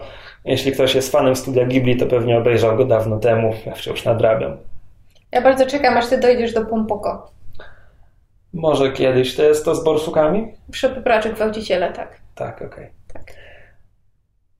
Rapist. Folklor japoński, A, nie pytaj. Ale skoro jesteśmy przy animacji japońskiej, Chyba zrujnowaliśmy Kamilowi mózg. Rapist raccoons? No? Doesn't ring any bells? to są takie duszki przyjazne, nie pytaj. Z Przyjazne. wielkimi jądrami. No. Tak. A, okej. Dobra. Ale trzymając się animacji japońskiej, obejrzałem pierwsze dwa odcinki serialu Gangsta. Kropka, w sensie Gangsta. Kropka, który jest ekranizacją mangi pod tym samym tytułem. Wyobraziłem sobie jakiegoś małego gangsta kundelka. Kropka, to jest idealne imię. I ja tak, ja ostatnio nie oglądam anime, przynajmniej nie, nie oglądam seriali anime, ale widziałem podsumowanie, jakie seriale ruszają w tym sezonie, obejrzałem zwiastun i pomyślałem sobie, nie wiem czemu, ale jakoś mi to przypomina Cowboy Bebopa. I postanowiłem obejrzeć. E, Rzecz dzieje się w mieście z wyglądu śródziemnomorsko-europejskim, ale to jest fikcyjne miasto, w k- rządzonym przez różne mafie, gangi i jakuzy, gdzie policja jest, ale albo jest bezsilna, albo jest też uwiązana w te jakieś układy i dlatego rzadko działa. I w tym mieście mamy naszą parę głównych bohaterów, których imion chwilowo nie pomnę. Nikolas i jakiś gość. Warwick. Warwick? Warwick? Jakoś tak. Trochę jak Ewok. Um, I oni, oni prowadzą Ewok. działalność. Szanowany aktor Warwick Davis. Ewok. Sam jesteś Ewok. Wicked to był Ewok. A, już prędzej. Prowadzą działalność, są złotymi rączkami. To znaczy są e, bardzo zdolnymi zabójcami do wynajęcia, ale są kompletnie neutralni, to znaczy pracują dla każdej strony, która im zapłaci. E, Tagline serialu jest, że to przestępcy, którzy biorą zlecenia, których, których przestępcy by nie wzięli, ale to jakaś bzdura, bo nie ma to nic wspólnego z serialem, bo oni wyraźnie mają sumienie i kręgosłupy moralne, więc to jakby fałszywy, kłamliwy marketing. Mm. I tak, jest dość, jest dość brutalnie, jest dość dosłownie, znaczy dosłownie, jest tuż za kadrem, no ale jest seks w tym serialu. I ogląda się to nieźle, nic nadzwyczajnego, ale nieźle. Warwick jest, e, Warwick ma przepaskę na oku i w pierwszym odcinku mówi, że beznadziejnie strzela z pistoletu, no bo wiadomo, nie ma, nie postrzega głębi, co nie przeszkadza mu korzystać wyłącznie z pistoletu, bo anime. E, Warwick jest głośny i, i się dużo śmieje i w ogóle, a Nikolas walczy mieczem samurajskim i jest tym cichym posełknym, ponieważ oczywiście anime. No tak. Z tych dwóch bohaterów nie masz. Jak możesz zbudować chemię, jeśli nie masz jednego głośnego bohatera jednego cichego bohatera? Jak Tak, czyli w skrócie bez Naruto i Sasuke nie ma Tak. anime. E, aczkolwiek w tym serialu jest bardzo dobre wyjaśnienie, czemu Nikolas e, jest takim małomównym e, Mrukiem. mrukiem tak, e, które mnie bardzo pozytywnie zaskoczyło w pierwszym odcinku i nie powiem, co to jest. Znaczy, nie wybito całej jego rodziny? Mm. A tego nie wiem tak naprawdę. W każdym razie pierwszy odcinek mi się spodobał, natomiast w drugim odcinku zagłębiamy się właśnie w historię Nikolasa. Już w pierwszym wiemy, że on nie jest do końca normalnym człowiekiem, a w drugim okazuje się, że tam są istoty, ludzie, których nazywają nieśmiertelnikami od żołnierskich nieśmiertelników, które noszą na szyjach. I nie wiem, ja jeszcze nie wiem, czym oni są. Są jakimiś super żołnierzami, a może oni się rodzą super żołnierzami, nie wiem. Natomiast po prostu tam są wynajęci przez kogoś, żeby ich obronił przed takim właśnie super żołnierzem i jest starcie Nikolasa z tym drugim. I serial mnie zarzucił w tym momencie jakimiś hasłami, że o, ten co daje się we znaki to jest tam nieśmiertelnik kategoria B2 i on patrzy na Nikolasa i mówi sobie o, chucherko, musisz być D0 w najlepszym wypadku, a potem dowiadujemy się, widzimy nieśmiertelnik Nikolasa i on jest, uważajcie, A0 ja tak nie rozumiem tej japońskiej manii do tych kategorii, że ola, ola Boga, to jest ninja klasy S, to jest misja trudności alfa. No jest bo potem atak- musisz z tego zrobić karciankę, musisz z tego zrobić grę i jak to możesz zrobić, jeśli nie masz kategorii i nie możesz podzielić tych postaci na odpowiednie poziomy, no. No nie wiem, może masz rację, w każdym razie nie, Nawet X-Menów zaczęli kategoryzować. nie lubię tego i to jest najszybszy sposób, żeby mnie znudzić, więc ten drugi Dwa odcinki. odcinek mnie zniechęcił. Dobrze trochę. poszło. Nie, bo pierwszy był naprawdę fajny, a ten drugi nie wiem, może... Ale w sumie może lepiej, żebyś się zawiódł po drugim, niż Może. tracił czas jak Kamil. Nie wiem, będę śledził Mój czas, będę go sobie tracił jak mi się podoba. Będziesz mi tutaj guilt tripować. Będę śledził, bo zdaje się, że IO9 recenzuje ten serial na bieżąco, więc jak tam będą jakieś bardzo pozytywne rzeczy, to może jeszcze do niego wrócę. Natomiast sprawdziłem twórców i znalazłem... IO9 Czekaj. Przepraszam, największą zaletą oglądania The Strain jest potem czytanie recenzji na IO9. A to akurat jest faktycznie zaleta. Ja nawet jak przestałem czy oglądać go tam, to wciąż czytałem recenzje na IO9. Są, są dobre. W każdym razie sprawdziłem twórców Gangsty i wyszło mi, że reżyser serialu odpowiadał za animację w Samurai Champloo, które było drugim projektem e, reżysera Cowboy Bebopa zaraz po Cowboy Bebopie, więc znalazłem swoje pouczenie z Cowboy Bebopem. Well. Aczkolwiek dwa odcinki Gangsty zainspirowały mnie głównie do tego, żeby w końcu obejrzeć w całości Samurai Champloo, które zaczynałem parę razy i nigdy nie skończyłem. Champlu to jest też jakiś rodzaj muzyki? To nie jest rodzaj muzyki, to jest e, słowo z dialektu którejś z japońskich wysp i oznacza konkretnie jakąś potrawę, a bardziej ogólnie rodzaj mieszaniny łączącej różne rzeczy. Czyli tak, można to odnieść do muzyki. Samurai Champloo jest znany ze swojego anachronicznego soundtracku, gdzie jest hip-hop, rap i tak dalej. Samuraj Bigos. Tak, tak. Albo Samurai Gambo, Okej.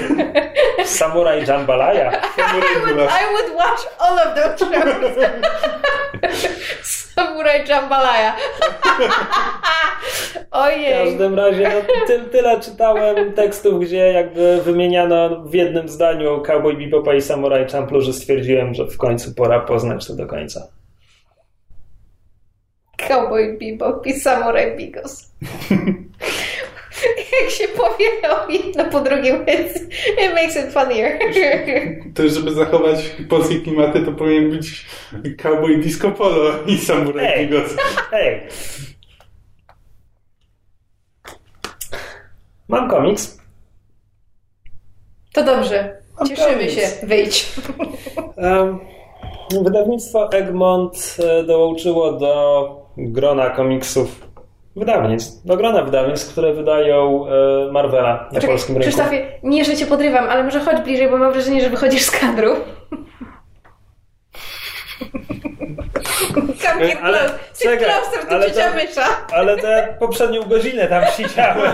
Nie, wiesz co, mam wrażenie, że teraz sięgając po komiks jakoś się wychyliłeś bardziej. Okej, dobrze. Ewentualnie będzie ciebie tylko pół. Człowiek wie tak. Zacznijmy jeszcze raz w takim wypadku. Mam komiks All New X-Men, album pod tytułem Wczorajsi X-Men, który jest jednym z pierwszych. Ale była impreza w instytucie.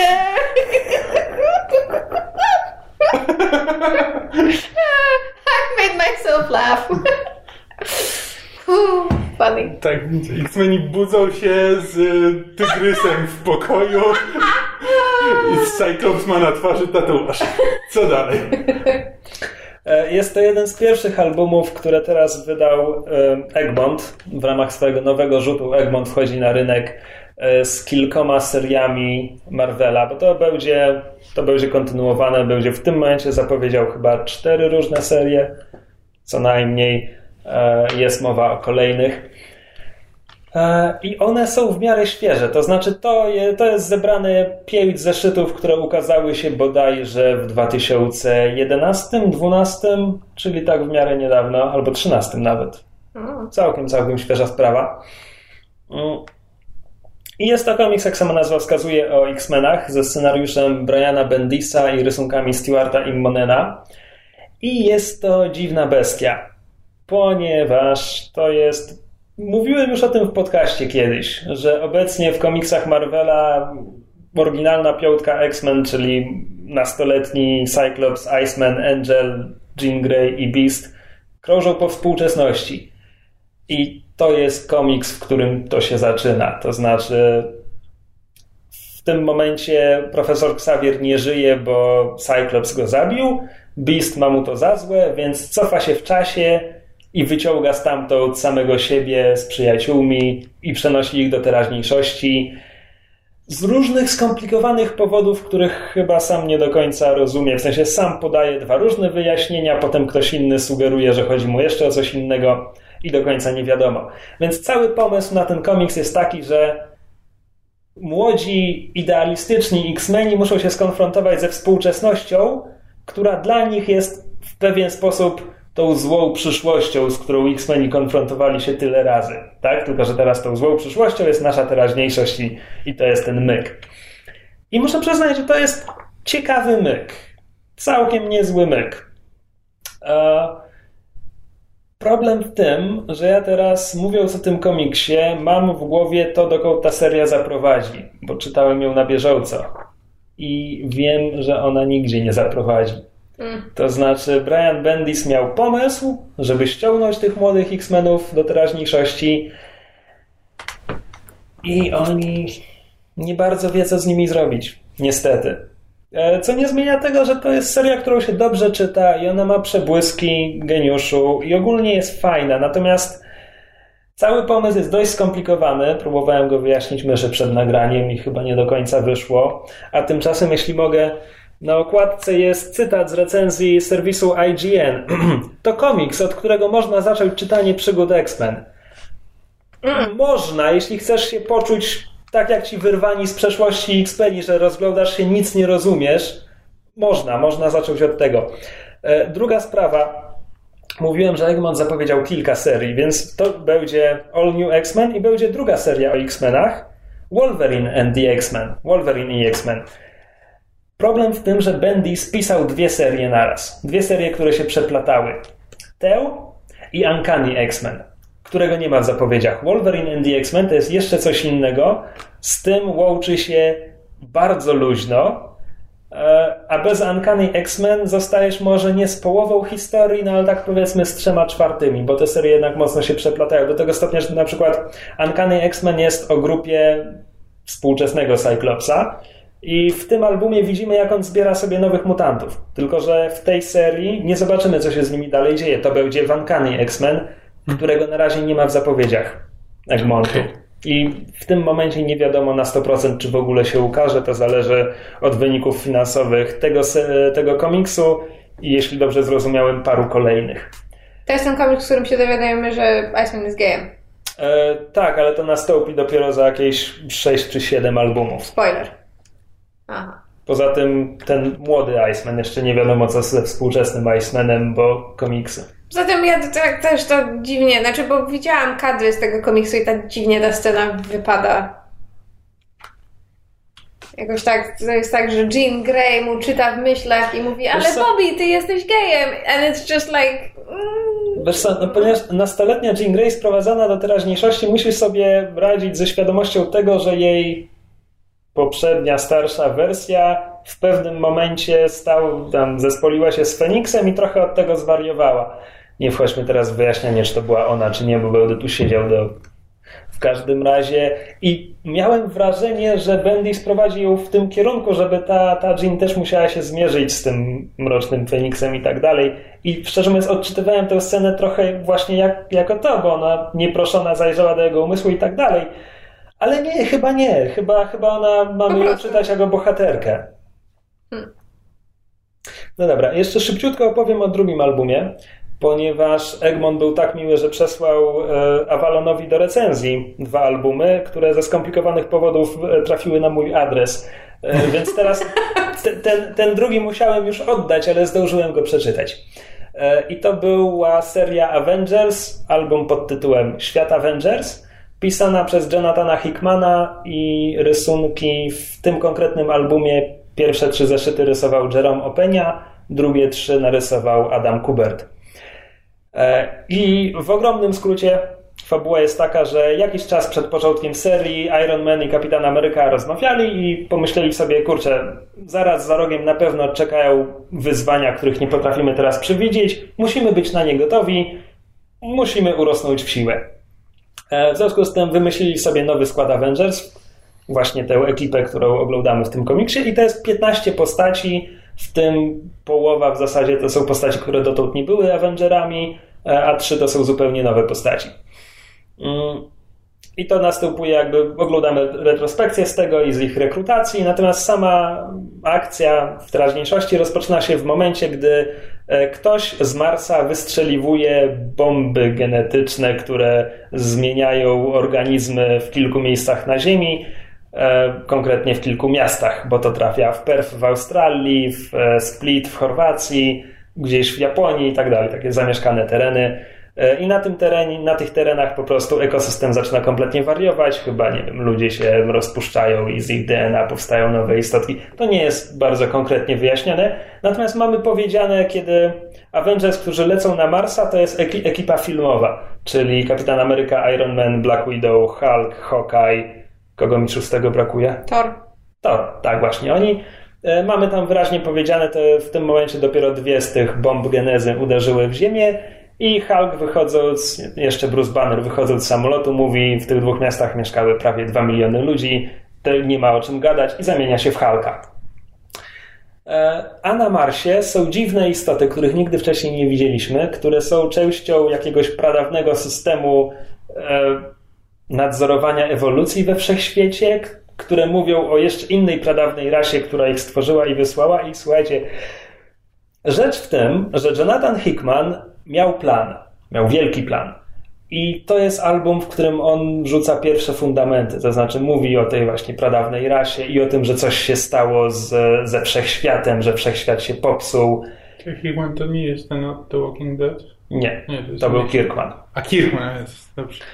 E, I na początku jest po prostu dziwnie i nie rozumiesz, co się dzieje, i możesz tylko obserwować akcję, no i patrzeć, jak, no bo ta oryginalna szóstka dostaje po tyłkach, i dlatego Kapitan Ameryka musi wezwać na pomoc ten nowy oddział tych, tych, tych, tych nowych kilkunastu Avengers, i potem oglądasz, jakim idzie pranie tych na Marsie. E, a potem następne trzy zeszyty to są pojedyncze historie, z których każda koncentruje się wokół jednej z tych trzech nowych postaci stworzonych przez Hickmana. To jest Captain Universe. Ona nie jest do końca nową postacią, ale ta jej inkarnacja jest nową postacią. Hyperion, który jest Marvelowym Supermanem, jednym z 15.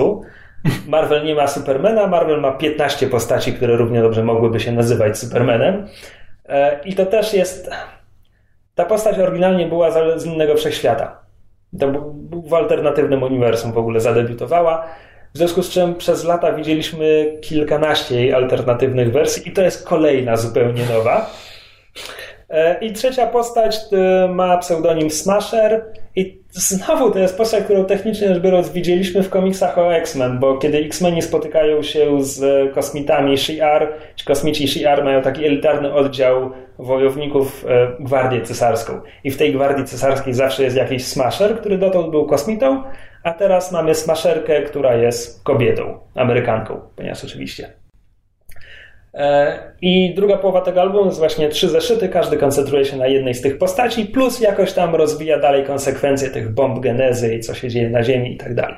Ale jak mówię, to są wszystko fundamenty pod naprawdę wielką historię, bo w przeciwieństwie do Bendisa, Hickman przyszedł z planem i konsekwentnie ten plan realizował przez trzy lata w dwóch seriach, bo on też pisał dwie serie.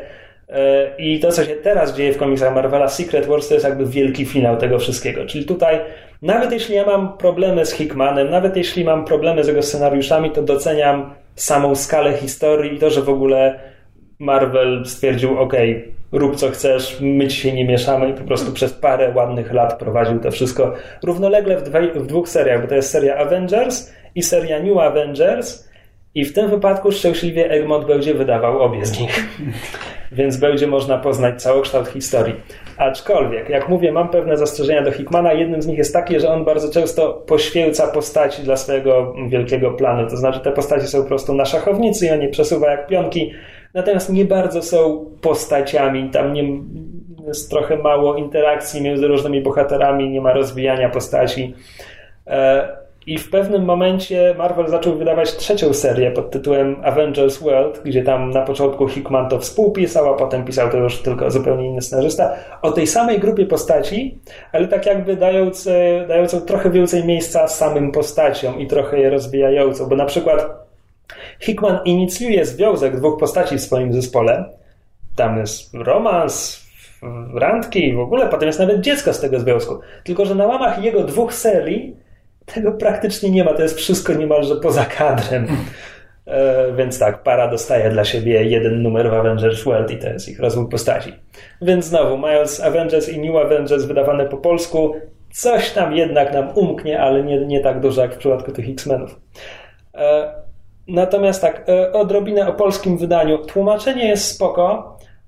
Każdy się po części przyczepia do tłumaczenia pseudonimów, bo każdy ma inny pomysł, jak to zrobić.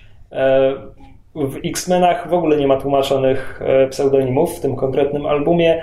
W Avengers mamy 15 Avengerów, 12 nie ma przetłumaczonych, przepraszam, 11 nie ma przetłumaczonych pseudonimów, są po prostu po angielsku, a pozostała czwórka to troje kapitanów, bo po polsku jest kapitan Ameryka, kapitan Wszechświat, kapitan Universe i kapitan Marvel, gdzie Marvel nie jest przetłumaczone, bo powody, e, oraz Czarna Wdowa. Z jakiegoś powodu. Because of reasons. Tak.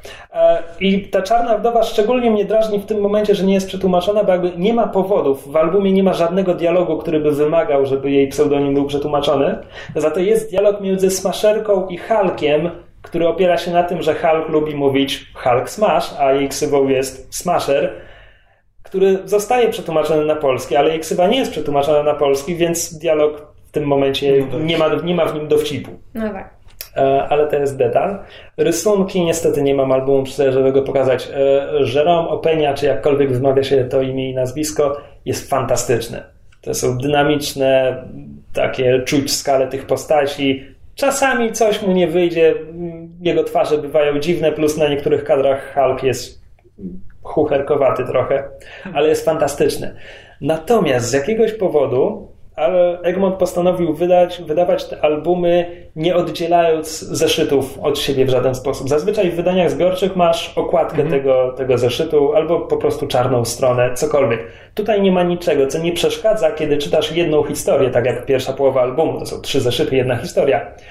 Ale potem masz te trzy zeszyty, z których każdy opowiada zamkniętą historię no i to przechodzenie między nimi samo w sobie jest dziwne. A jeszcze przejście, gdzie na jednej stronie masz rysunki Openi, a na następnej rysunki Kuberta, po prostu mm. jakby ktoś wylał na ciebie kubeł zimnej wody. Mm. Kubertów jest wielu. Kubert był senior, jest jego dwóch synów, którzy, którzy rysują. Jest Andy Kubert, który narysował 1602, czyli ten komiks Gaimana, o którym mówiłem już pięć razy. I Andy'ego Kuberta bardzo lubię. I jest Adam Kubert, który wydaje mi się, że jest zdolny, ale się nie przykłada czasami i mam wrażenie, że nie przyłożył się do tego komiksu, a na potwierdzenie mam scenę, gdzie Spider-Man zachowuje się jak dupek wobec e, Cannonballa i Sunspota, dwóch byłych X-Menów, którzy teraz są w Avengers. E, I oni tak między sobą rozmawiają o tym, że jest dupkiem i Spider-Man wychodzi, a jeden z tych mutantów za nim rzuca e, myślisz, że twój nowy kostium jest cool, ale wyglądasz w nim jak idiota. Teraz tak, kontekst. Pomiędzy pierwszym zeszytem serii Avengers, gdzie widzimy jak Kapitan Ameryka i Iron Man, Iron Man rekrutują Spidermana, Petera Parkera do zespołu, a czwartym czy piątym zeszytem, gdzie mamy tę scenę, Spider-Man się zmienił. To znaczy, to jest teraz Doktor Octopus w ciele Petera Parkera. Egmont będzie wydawał też tę serię, więc za parę miesięcy to będzie w miarę jasne. Natomiast czytając tylko ten album, nie masz o tym nigdzie informacji. I tak, Doktor Octopus jako Spider-Man miał nowy kostium. Ale Kubert go nie narysował w tej scenie, pomimo tego, że jest w dialogach o tym o nim mowa. Więc kiedy mówię, że on się nie przyłożył do tego albumu, to jest jakby mój koronny dowód. Dziwne. Dziwne. No tak, w każdym razie, mając do wyboru X-Menów i Avengers, oba te albumy są bardzo dobrym początkiem, bardzo obiecującym. Z perspektywy kogoś, kto wie co tam będzie dalej, mogę powiedzieć, że Avengers spełniają te obietnice, X-Meni nie. No mimo to lubię X-Menów i są, są dobre momenty w tej serii, a te, te albumy jakby na pewno warto oba, do obu zajrzeć, przekonać się, która seria jest bardziej dla, dla was. Poza tym e, one są w cenie 40 zł, ale widziałem doniesienia, że w niektórych księgarniach internetowych można je dostać za 25. A 25 zł za tak wydany album to jest naprawdę dobra cena. Bo w tym momencie cztery dychy, wielka kolekcja komiksów Marvela jest za cztery dychy i jakby trochę wygrywa twardą oprawą i ogólnie Mhm. trochę poważniej wyglądają te albumy. Ale jeśli można dostać te 15 zł taniej, bardzo dobra cena. No, e, więc e, widzowie, było słuchacze, e, my przy, poza kadrem, przed nagraniem tego segmentu poprosiliśmy Krzyśka, żeby szybko opowiedział o tych dwóch komiksach, które przeczytał. To był Krzysiek szybko opowiadający o komiksach. To było krótko. To było relatywnie krótko. To było relatywnie krótko. Jak cię...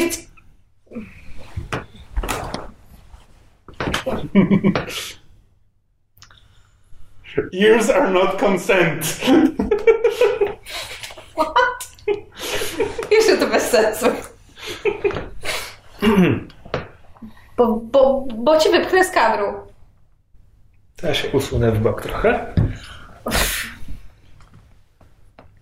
No dobra, Nadal ci widać. przepraszam. Dobrze, to teraz przechodzimy jeszcze do tematu tygodnia, zeszłego tygodnia. Krótko, bo Krzysiek wykorzystał cały czas na komiksy. Nie było mnie z wami na filmie. Nie będę miał o czym mówić. Autentycznie chciałabym zobaczyć ciebie na tym konkretnym filmie. Czy w ogóle dałbyś się zaciągnąć do kina? Nie wiem, może. Podobno ładni faceci tam są. E, tak. And he said that with a straight face. I'm so impressed. Nie wiem, czy straight face w tym momencie jest dobrym wyrażeniem. Ojej. Nie no, na sali było około 15 mężczyzn. Zakładam, że stosunek y, orientacji był tak mniej więcej po połowie. E, Tak, no więc jeśli ktoś, jak się słuchacze widzowie mogli domyśleć, to e, byliśmy na Magic Mike'u XXL. Tak, na Eee. który zostałam przemocą zaciągnięta przez Kamila. Tak, tak to wyglądało. Ja bym ci chciała, kochanie, przypomnieć, że w momencie, kiedy ja wrzuciłam e, mm, trailer Magic Mike XXL u siebie na fanpage, to tego samego wieczora Kamil obejrzał ten trailer, przyszedł, zapukał do mnie do gabinetu i powiedział Myszu, idziemy na Magic Mike XXL, a ja takie, Ja absolutnie nie mam zamiaru zaprzeczać, że chciałem ten film obejrzeć, bo wyglądał bardzo fajnie. ja już planowałam, że pójdę z moimi psiapsiłami, że ten, Kamil, idziemy, dobra. No i poszliśmy i było zajebiście. Znaczy tak, jakby dawno się, dawno się tak dobrze nie bawiłem na filmie, bo, bo jest jakby atmosfera na sali mm, była mniej więcej taka, jakbym oglądał w Indiach bollywoodzki film. Znaczy, ludzie się po prostu... Ludzie tańczyli? Tak, Tak, wiesz co, tak. przed nami siedział pan, który przez cały film po prostu nic, tylko tak i wiesz, i e, e, e, no po prostu, he was my favorite. Znaczy obserwowanie jego było momentami lepsze niż oglądanie filmu, było cudowne. Znaczy, autentycznie ludzie się śmiali, momentami nawet klaskali. Tak, wiesz, E, okrzyki, jakieś ochy, achy, reakcje, w ogóle zero, zero jakie, jakiegokolwiek takiego, wiesz, krygowania się, tak. tak. Fantastyczne. Te, e, sama atmosfera, właśnie dlatego e, warto na ten film pójść do kina, jakby niekoniecznie zostawiać to sobie na przykład na DVD, żeby obejrzeć w domowym, w domowym zaciszu. E, to warto, warto się przejść, no m, choć teraz może już nie być tylu ludzi na sali, Tak, no więc my byliśmy, być my jakby... byliśmy w środę po premierze, znaczy w sensie w, w środę weekend po premierze i była właściwie pełna sala, jedna z tych mniejszych, ale była właściwie pełna sala i jakby późna pora, bo to był chyba ostatni seans tego wieczoru i właśnie duża ilość osób sprawiła, że mam wrażenie, że to właśnie była taka bardzo specyficzna atmosfera, która bardzo jakby się była wartością dodaną filmu, a film sam w sobie jest super. Tak, znaczy to jest naprawdę, że w porównaniu z pierwszym Magic Mike'iem, który jest, e, nie może się zdecydować, czy właśnie, czy, znaczy chce być takim showgirls. E, tylko, że o męskich stripteaserach, czy właśnie nawet nie showgirls, tylko... Nie, no, Dla nie, kogo chcę, nie chcę być showgirl. inspiracją miałyby być showgirls? Nie, znaczy, to, to nie chcę być... Kto stawia sobie za cel chcemy być showgirls? Znaczy, może chcę być dobrym showgirls, ale um, znaczy, że jakby pokazuje to takie stara się pokazać ten kontrast być, między... chcę być gritty drama o męskim striptease. Tak, z jednej, z, jednej, z jednej strony mamy te kluby i te Ej, tańce. stripteaserzy to prawdziwi ludzie z prawdziwymi problemami. No, tak, właśnie. ale właśnie film je jakby sztucznie, mam wrażenie... Nakręca. da, tak nakręca i jakby na zasadzie, że to nie jest tylko to, że oni są męskimi stripteaserami i wszystkie jakby ewentualne problemy natury, nie wiem, moralne, emocjonalnej, życiowej, które się z tym wiążą, ale jeszcze wiesz, narkotyki, przygodny seks, o mój Boże, konflikt z prawem. No po prostu wiesz, jakieś takie kompletnie no, przeszarżowane to jest. No, prze... Znaczy inaczej, dla mnie Magic Mike pierwszy jest w porządku filmem, natomiast przez przez cały film mam wrażenie, że twórca próbuje mnie przeprosić za to, że nakręcił film o męskim stripteasie. Że tym, jak go nakręcił i jak bardzo próbował go udramatycznić, próbuje usprawiedliwić to, że w gruncie rzeczy to jest film o tym, że faceci się rozbierają dla, dla przyjemności kobiet. Okej, a Magic Mike XXL to jest takie gli o męskim stripteasie? Kinda. Znaczy, to jest, to jest stripper road trip movie. Jest absolutnie cudowne, dlatego że p- posługuje to się jest wszystkimi... film drogi. Znaczy, Tak, to jest... posługuje się wszystkimi takimi sztancami filmu drogi, e, ale właśnie jakby po, po drodze jest, jest, jest też filmem o, o męskiej ruszają- przyjaźni. Znaczy tak, e, zbierają się ta ekipa z pierwszego filmu, zbiera się po raz ostatni, żeby pojechać na e, konwent stripteaserów na thing. Florydzie. It's a real thing. Sprawdziłam. I jakby jadą przez całe, przez całe południowe Stany i po drodze, po drodze spotykają różnych ludzi, różne, e, różne towarzystwa, muszą, muszą znaleźć sobie konferencjera po drodze, gdzieś tam po, za, zażywają narkotyki, jadą Mają na plażę. wypadek, no, tak, to- różne rzeczy, różne rzeczy się dzieją jakby po drodze. Pejotl na pustyni, Tak, kino autentycznie. drogi. Tak, dokładnie. To jest na takiej samej zasadzie. Wiesz, zamiast, zamiast trafiać, y, tak jak zazwyczaj w tego typu filmach jest jakaś scena, gdzie trafiają, trafiają do jakiegoś, grupa mężczyzn trafia do żeńskiego sorority, to tutaj mamy z kolei grupę właśnie stripteaserów, która trafia na em, em, book club statecznych żon i matek. No i jakby właśnie tego typu schematy. Dwa pytania. Czy szmuglują w baku narkotyki, Nie. czy pod Nie. koniec jacyś wieśniacy strzelają do nich z dubeltówki? Nie. Nie. To nie jest prawdziwy film. E, no tak, Easy Rider to nie jest. E, ale no, znaczy no, ten film jakby, znaczy, no bo można by to było traktować jako, przepraszam, się trochę za, your zakałapućkałem.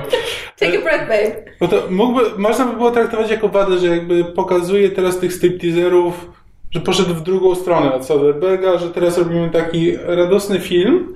I jakby on nie Trochę jest w wydźwięku, wydźwięku bardziej radosny, choć też jakby nie, e, nie ukrywa tego, że na przykład ci stripteaserzy jakby mają swoje plany, jakby ten striptease jest e, takim przystankiem, że oni mają jakieś... Do celów.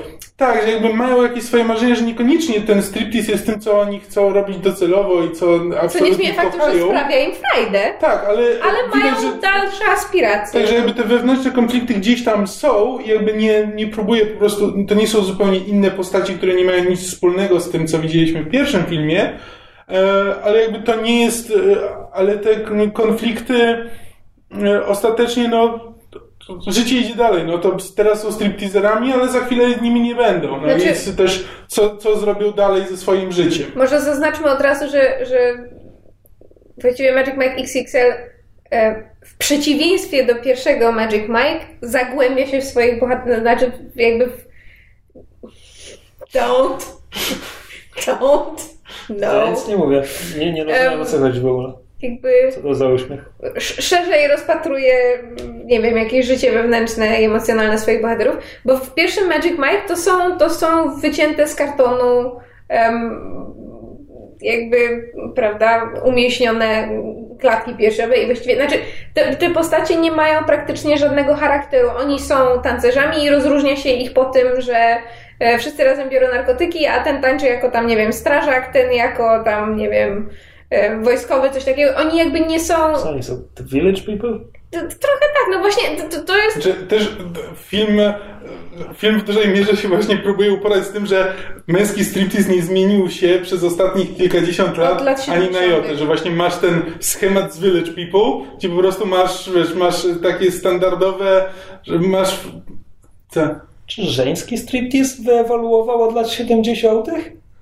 Znaczy, Tak, Nie wiem, ale no nie Okej. tym się zajmuje ten film. No jakby zajmuje się tym męskim, gdzie jakby masz te standardy, że masz policjantów, strażaków i jakby kowbojów, e, kompletne, konkretne role, które oni przyjmują i udają. I właśnie i próbuję tak, jest, tak zobaczyć, a co by było, gdyby jednak ci stripteaserzy próbowali być kreatywni i próbowali zrobić coś nowego. E, Fajerwerki na scenie. Znaczy, to się kulminuje jakby w ostatnim, w finałowej, e, w finałowej scenie, jakby właśnie na tym konwencie e, stripteaserów. Nie będziemy wchodzić w szczegóły, jak to wygląda, bo nie ma co spoilować, ale, Przebierają się za potwory z Godzilli. ale naprawdę jest to bardzo fajne widowisko, bardzo ładnie nakręcone. Czy momentami no to ma stylistykę trochę step-upową, jakby takiego filmu tanecznego. Mm, ale... w gruncie rzeczy tym jest po części. No tak, ale to jakby bardzo dobrze wychodzi i to Zatem jakby jest się- częścią historii. Mówmy się, Soderbergh jest, był operatorem i montażystą, więc ten film wygląda, mimo że jest pod względem klimatu dość dramatycznie różny od pierwszego, to jakby stylistycznie jest zachowana ciągłość, co jest, co jest bardzo fajnym rozwiązaniem. Tak, jakby też- Ale to- on nie reżyserował. Nie, reżyserował to Greg Jacobs, Jacobson? Czyli nie chciało mu się reżyserować, ale mimo to siedział na planie cały czas? Tak, znaczy reżyserował to jego, z kolei jego tam bliski współpracownik Okej. i, i, i operator i, i, i montażysta wielu jego filmów, który też jest, że tak powiem, reżyserem na własną rękę. I moim zdaniem akurat to wyszło filmowi na dobre, to znaczy mam wrażenie, że, że, że reżyser Magic Mike XXL w przeciwieństwie do Soderberga nie ma, nie ma takiego, wiesz, chip on his shoulder pod tytułem och mój Boże, kręcę film o męskich stripteaserach, stripteaserach I have to make it dramatic bo inaczej ludzie mnie wyśmieją. On się tym bawi i, i mam wrażenie, że bardzo dużo też filmowi dało to, że Channing Tatum, um, który jakby przy pierwszym filmie też był producentem tutaj też, jakby miał, miał większy większy wkład w ten film, był, był bardziej zaangażowany i nie było czegoś takiego, że Soderbergh jako ten, prawda, wielki nagradzany Oscarowy reżyser go za każdym razem em, prawda, sp- spuszczał po brzytwie, bo, bo Soderbergh chciał zrobić swój gritty drama o męskim striptease, a tutaj mamy właśnie taki trochę kampowy, na poły wesoły film drogi, gdzie ci bohaterowie nie są już wycięci z kartonu, mają jakieś swoje osobowości, jakieś swoje marzenia, aspiracje i to jest wszystko bardzo zręcznie wplecione w rozbieranie się dla przyjemności kobiet. Pomijam już e, jakby element feministyczny, o którym się na 14 stron rozpisałam na blogu i naprawdę nie będę was, was już tym zanudzać, ale jak ktoś jest zainteresowany, dlaczego męski striptyzm, film o męskim striptizie jest feministyczny, to można poczytać u mnie na blogu. Because it is. Nie, ten film ma właśnie bardzo dobrą, bardzo fajną strukturę. Bardzo mi się podobało. Znaczy, właśnie ta struktura tego filmu Drogi zaczy, zaczyna od takich właśnie, no, od prostych scen, od takich prostych spotkań, jakieś tam właśnie najpierw, najpierw spotykają się ci stripteaserzy na jakiejś imprezie, potem jadą i spotykają się na plaży i powoli te kolejne spotkania na te, te przystanki podczas ich trasy stają się trochę ciekawsze, trochę dziwniejsze, e, zajmują się trochę z poważniejszą tematyką, a w dodatku to wszystko, jakby te wszystkie spotkania jakby mają efekt na tą finałową scenę, na ten finałowy pokaz, i jakby to wszystko, to wszystko się właśnie zazębia na końcu i wszystko to, co jakby przeżyli po drodze, ma wpływ na, ma wpływ na ten e, ostateczny, na ten finał. To jest naprawdę bardzo, bardzo fajnie zbudowany, bardzo sensownie przemyślany, napisany, jakby poprowadzony e, film. Czego na przykład właśnie o pierwszym Magic Mike'u nie bardzo mogę powiedzieć, bo to jest po prostu taki już po pierwsze, Magic Mike jest po prostu od sztancy zrobionym filmem obyczajowym o tym, że na- narkotyki są złe i to właściwie cały, mor- cały morał się do tego sprowadza. Tak, i Aha. męski striptease jest niemoralny. Tak, tak. A- Taki jest, taki jest morał pierwszego Magic Mike'a. A to, co się stało z bohaterem Matthew McConaughey, bo wiem, że nie wracał w drugiej części? No, prze- Przekręcił He's- ich i pojechał he's gdzieś doing w his own thing. Tak. Aha. Dostał Oscara. Nie chcę się z nimi zadawać. Tak. No ale to też jakby na dobre wyszło, bo jakby McConaughey nie grał zbyt pozytywnej postaci jakby w tym pierwszym filmie, jakby, a biorąc pod uwagę, że właśnie, że drugi to jest taki buddy movie, jednak e, ta przyjaźń między nimi jest ważna, no to McConaughey by nijak do tego nie pasował. Mm. No, więc w każdym razie polecamy. bardzo polecamy, tak warto zobaczyć. Dziewczyny, które to nie wiem, słuchają, oglądają, jeżeli macie swoich partnerów, bierzcie ich pod pachę i, i ciągnijcie do kina, bo wbrew pozorom to nie jest tylko film dla dziewczyn. Nie, bo to jest jak No to, najbardziej... to czemu zwracasz się do dziewczyn? To właśnie trzeba przekonywać. Bo, bo to jest siła sprawcza. A, Szyja, która głową kręci i tak dalej. Wow. a jakich argumentów Jest? użyłabyś, żeby, żeby przekonać na przykład faceta, który nie ma partnerki, żeby wybrał się na ten film, bo warto, bo film nie jest tylko dla Bo dziewczyn. to jest film o męskiej przyjaźni. Jakby Tak. podstawą tego filmu jest jakby to jest. To jest Czyli o tych facetach. faceci bierzcie przyjaciół i idźcie do kina na Magic Mike'a. Znaczy tak, tak, to jest takie Barry Movie. Oni są te, I to. To jest bardzo fajna relacja, bardzo pozytywna relacja między nimi, e, z, która Znaczy, właśnie jest- bardzo fajnie wypada na ekranie. Jakby nawet, I jest kompletnie, kompletnie pozbawiona. Macho takich- bullshit. Tak, i też takich, nie wiem, jakichś homoseksualnych podtekstów, czy właśnie pokazywania, że o nie, nie, nie, to absolutnie nie są. To jest po prostu jakby zwykła relacja, no to są ludzie, którzy jakby na co dzień widzą się nago, ale to jakby nie wpływa na ich, na ich relacje, Znaczy, jakby nie, ma, nie może- musimy podkreślać co chwila, że nie, nie, nie, my nie z Umówmy się, tych. umówmy się, wpływa na ich relacje, ale bardzo pozytywnie. Znaczy, no tak, no. Bo też otwierają się przed sobą, obnażają się przed sobą e, nie tylko fizycznie, ale i psychicznie Znaczy i emocjonalnie. w filmie widać, że przyjaźń, którą... To już, to już mocno przesadzamy w tym, w tym momencie, ale... E, Wcale nie tak bardzo, biorąc pod uwagę, to że, że sami aktorzy opowiadają, że przede wszystkim drugi Magic Mike powstał właściwie tylko i wyłącznie dlatego, znaczy abstrahując od sukcesu kasowego i krytycznego pierwszego Magic Mike'a, Magic Mike XXL po- powstał tylko i wyłącznie dlatego, że obsada pierwszego filmu tak fantastycznie No się tak. bawiła na planie pierwszego, że stwierdzili, we have to do this again. I jakby ta przyjaźń i właśnie ta taka bardzo zaskakująco otwarta relacja, którą oni ze sobą nawiązali w wyniku tego, że widzieli się nago przez większość czasu, przez ileś miesięcy ciągiem, doprowadziła właśnie do, do, do, do tego, że w Magic Mike XXL właśnie widzimy jakby przebłyski tej, te, też tej ich takiej prawdziwej, męskiej um, no macho bullshit, no no homo moments. No tak, jakby Przyjaźni. względem to na to przykład niewiele się, niewiele się różni od, nie wiem, Cats Vegas czy czegoś takiego. To jest też jakby taki po prostu o Tak. Komedia, komedia o facetach. No. I warto podkreślić, Magic Mike XXL jest naprawdę zabawny. Nieśmieszny na zasadzie, ale to jest głupie, tylko autentycznie laugh out loud funny. I to dla wszystkich, bez względu na płeć. Hmm. Więc autentycznie, słuchajcie, idźcie do kina, nie wiem, jeżeli się wstydzicie w jakiś e, w weekend, to idźcie w ciągu tego dnia, jak będzie mało osób, chociaż moim zdaniem warto, warto jednak się wybrać jak największą grupą i, i się po prostu em, dobrze bawić. No. E, to jeszcze nie wszystko. Mamy dla Was e, mail od słuchacza. Tak. Napisał do nas Piotrek. E, Nazwisko znane redakcji. Najpierw Piotrek ma prośbę do Krzyśka. Mówi, że tak Tylko więc- nie o komiksy. No Więc pamiętam, że mówił on, iż był kiedyś w Chinach, kiedy omawialiście serial Daredevil. Wspomniał, że rozumie po chińsku. Zastanawiałem się od tego czasu, czy potrafiłby coś po chińsku powiedzieć na wizji. O, na wizji. Na wizji, na wizji. Dawaj, Jeśli dawaj, jest dawaj, taka dawaj. możliwość, Krzysiek posiada odpowiednie umiejętności, a moja prośba nie jest zbyt egzotyczna. Chciałbym, żeby coś po chińsku powiedział. Już kiedyś mówiłeś na początek podcastu, ale tak, dawaj jeszcze tak, raz, tak. dawaj jeszcze raz. 大家好，对不起，可是我的汉语是太不好，我都忘了。我不知道我我要说什么，我真的不知道。嗯、um,，不好意思。再见。So bizarre when he does that! Dorobimy podpisy pod tym. O Jezu, doróbmy podpisy, które są kompletnie nie od tego. Dobrze, a ale teraz dla słuchaczy, którzy nie, nie, nie oglądają nas, ale słuchają, to może powiedz, co właśnie powiedziałeś. Dzień dobry wszystkim, przepraszam, mój chiński jest bardzo zły, wszystko zapomniałem, naprawdę nie wiem co mam teraz powiedzieć, do widzenia. Ho, ho, ho. No, to prośba spełniona.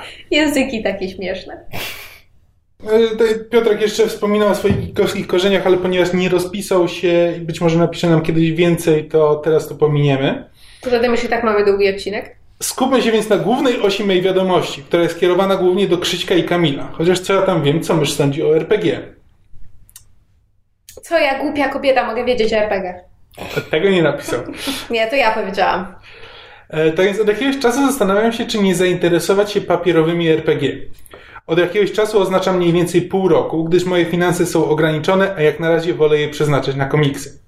Jednak wasze zapisy z rozgrywki w Numenere oraz parę słów o Volsungu, kiedy omawialiście zbiór opowiadań w tym świecie, przy okazji mam nadzieję, że historia spisana przez Krzyśka zyska uznanie czytelników i recenzentów, sprawiły, że jeszcze bardziej zainteresowałem się tematem. Tak więc wyszukałem w internecie parę interesujących mnie informacji, ale i tak nic nie wiem. Więc mam parę pytań na temat bardzo podstawowych cech RPG, waszego zdania na temat RPG i tak dalej. Pozwólcie, że pytania będą oscylowały wokół Volsunga, gdyż to ten świat i ta gra mnie zainteresowała. Ale najpierw. Czy Volsung to w ogóle dobry pomysł, by zacząć przygodę z papierowymi RPGami? I tak i nie. Ja zaczynałam od Wiedźmina, Wiedźmin gra wyobraźni, więc Właśnie odpowiadając zupełnie nie na to pytanie, jak dla mnie na początek pierwszym RPG, najlepszym RPG, by zacząć przygodę z tym medium, hobby, rozrywką, e, jest system bazujący na świecie znanym z czegoś innego. Na przykład Wiedźmin. Jeśli przeczytałeś książki, znasz świat Wiedźmina, masz dużo informacji, których nie będziesz miał w podręczniku. I jakby wiesz, jak ten świat działa, wiesz, jakie postaci go zaludniają, od razu wiesz mniej więcej, jak powinny wyglądać przygody się w nim toczące. Więc y, RPG na podstawie Wiedźmina y, niedługo będzie nowe CD Projekt robi, papierowe RPG.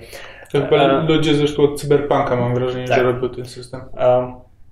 Gwiezdne Wojny, RPG, bardzo dobry pomysł. E, Firefly, jeśli ktoś lubi, był. Gra o Tron, był. Niedługo będzie po polsku bodajże. E, także to wydaje mi się No tak, najlepsze. jakby na początek to rzeczywiście dobrze skoczyć w jakieś znane historie. Natomiast Volsung może być dobry na początek, bo ma w miarę prostą mechanikę, nawet jeśli nie do końca zrozumiałą, e, to jest w miarę nieskomplikowana. Natomiast a, Czy on ma taką cechę, która jest zarówno dobra na początek, jak i bardzo zła, to znaczy jest bardzo otwarty. Znaczy, po pierwsze, nie narzuca żadnych historii, bo y, historie mogą się, mogą to być od kryminału po przygodę w dżungli, e, co już jakby... po co, przygodę na salon. Tak, co jakby jest dobre na początek, bo możesz po prostu sobie stworzyć historię, która, y, która jakby naturalnie w tobie siedzi i którą będzie ci dobrze opowiadać, jeśli jesteś mistrzem gry, albo w którą możesz się wczuć jako gracz.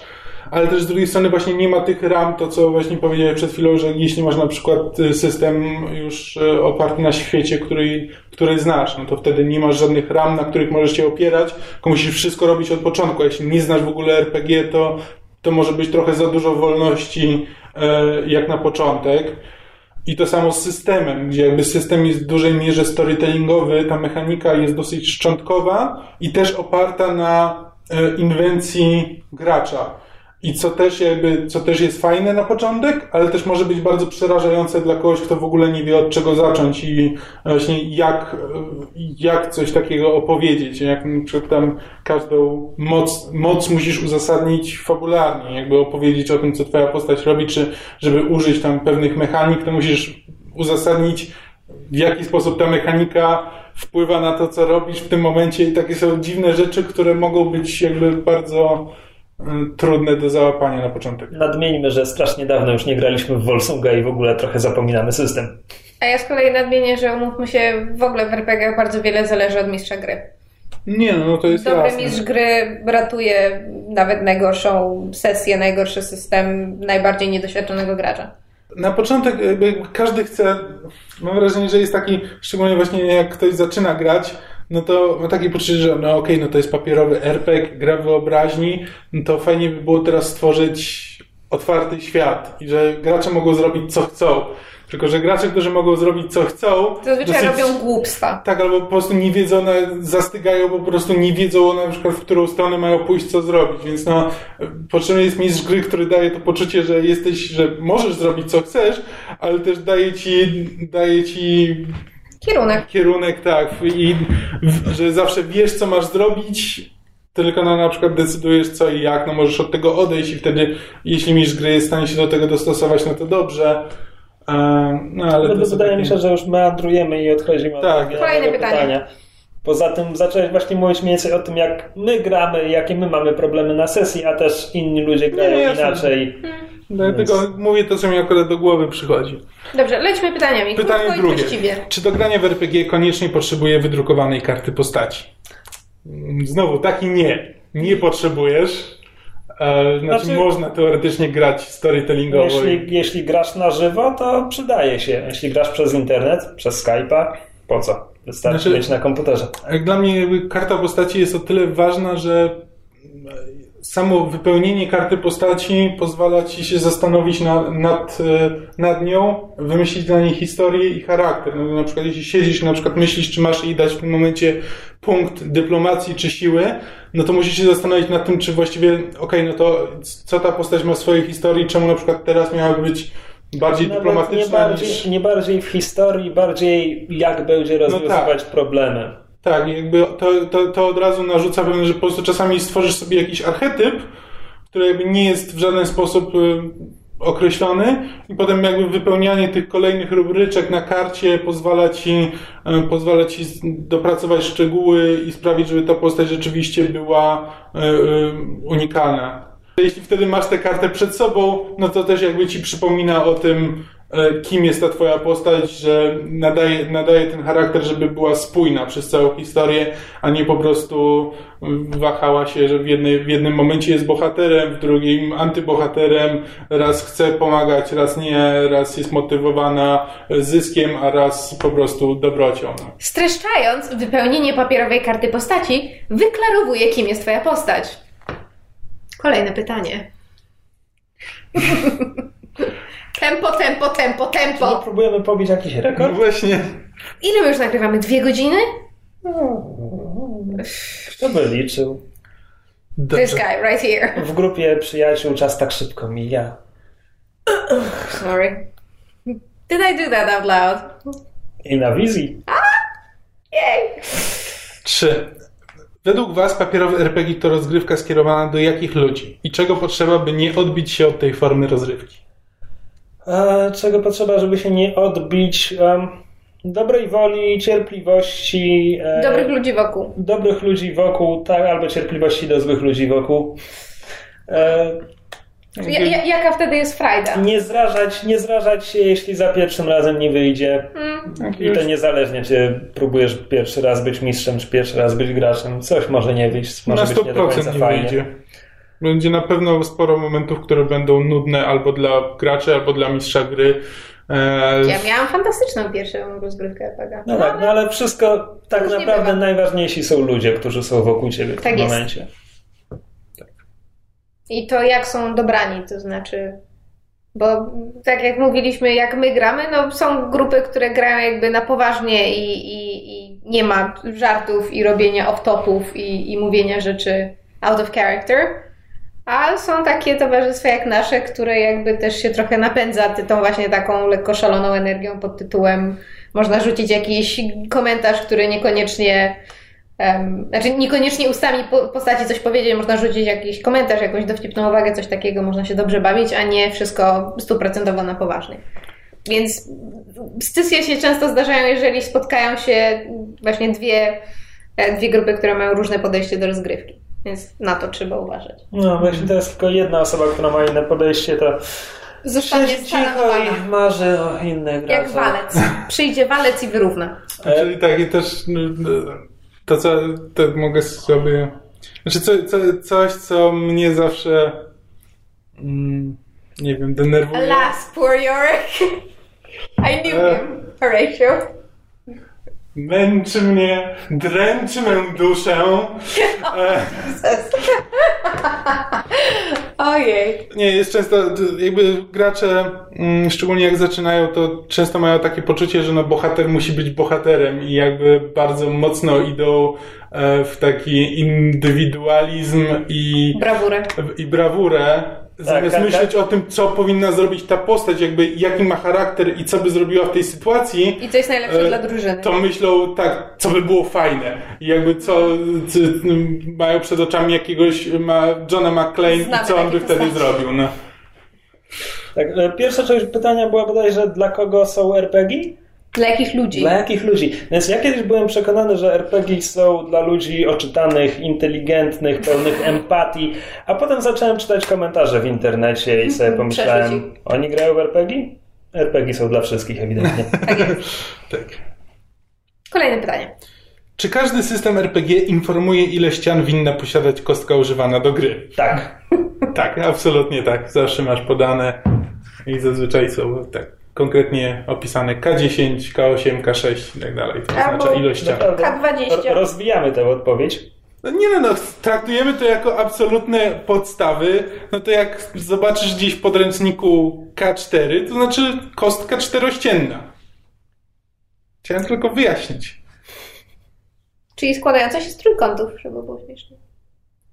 A może być też kostka dwudziestościenna.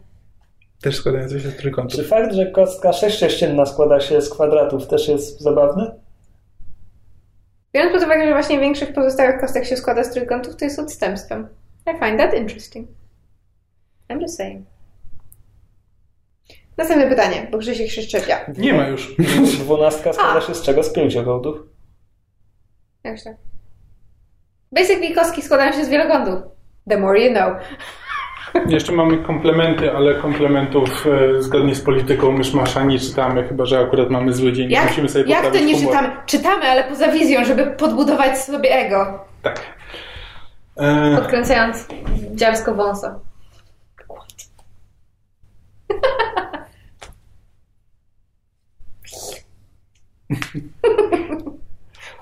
What did I just do? Why? No, tyle podsumowując, polecamy, polecamy RPG wszystkim. To jest bardzo fajne hobby i bardzo rozwijające. E, Ostatni raz graliśmy większą grupą pół roku temu? Znaczy, mów za siebie, no, no, gramy w Numenerę. Na co ty Gracie. Kiedy ostatni raz graliście Ej, w ci numerę? Świetnie. Jakiś czas temu. No. Dobrze, no naprawdę też tak. wszystko. Wow. E, Przepraszam. Mów, mów. Ja nie, nie, nie, możesz ty mówić. nie, nie, ty mów. Ty mów. Ależ proszę. Nie, nie, nie. Przed... Myszu, ty to powiedz. Ale...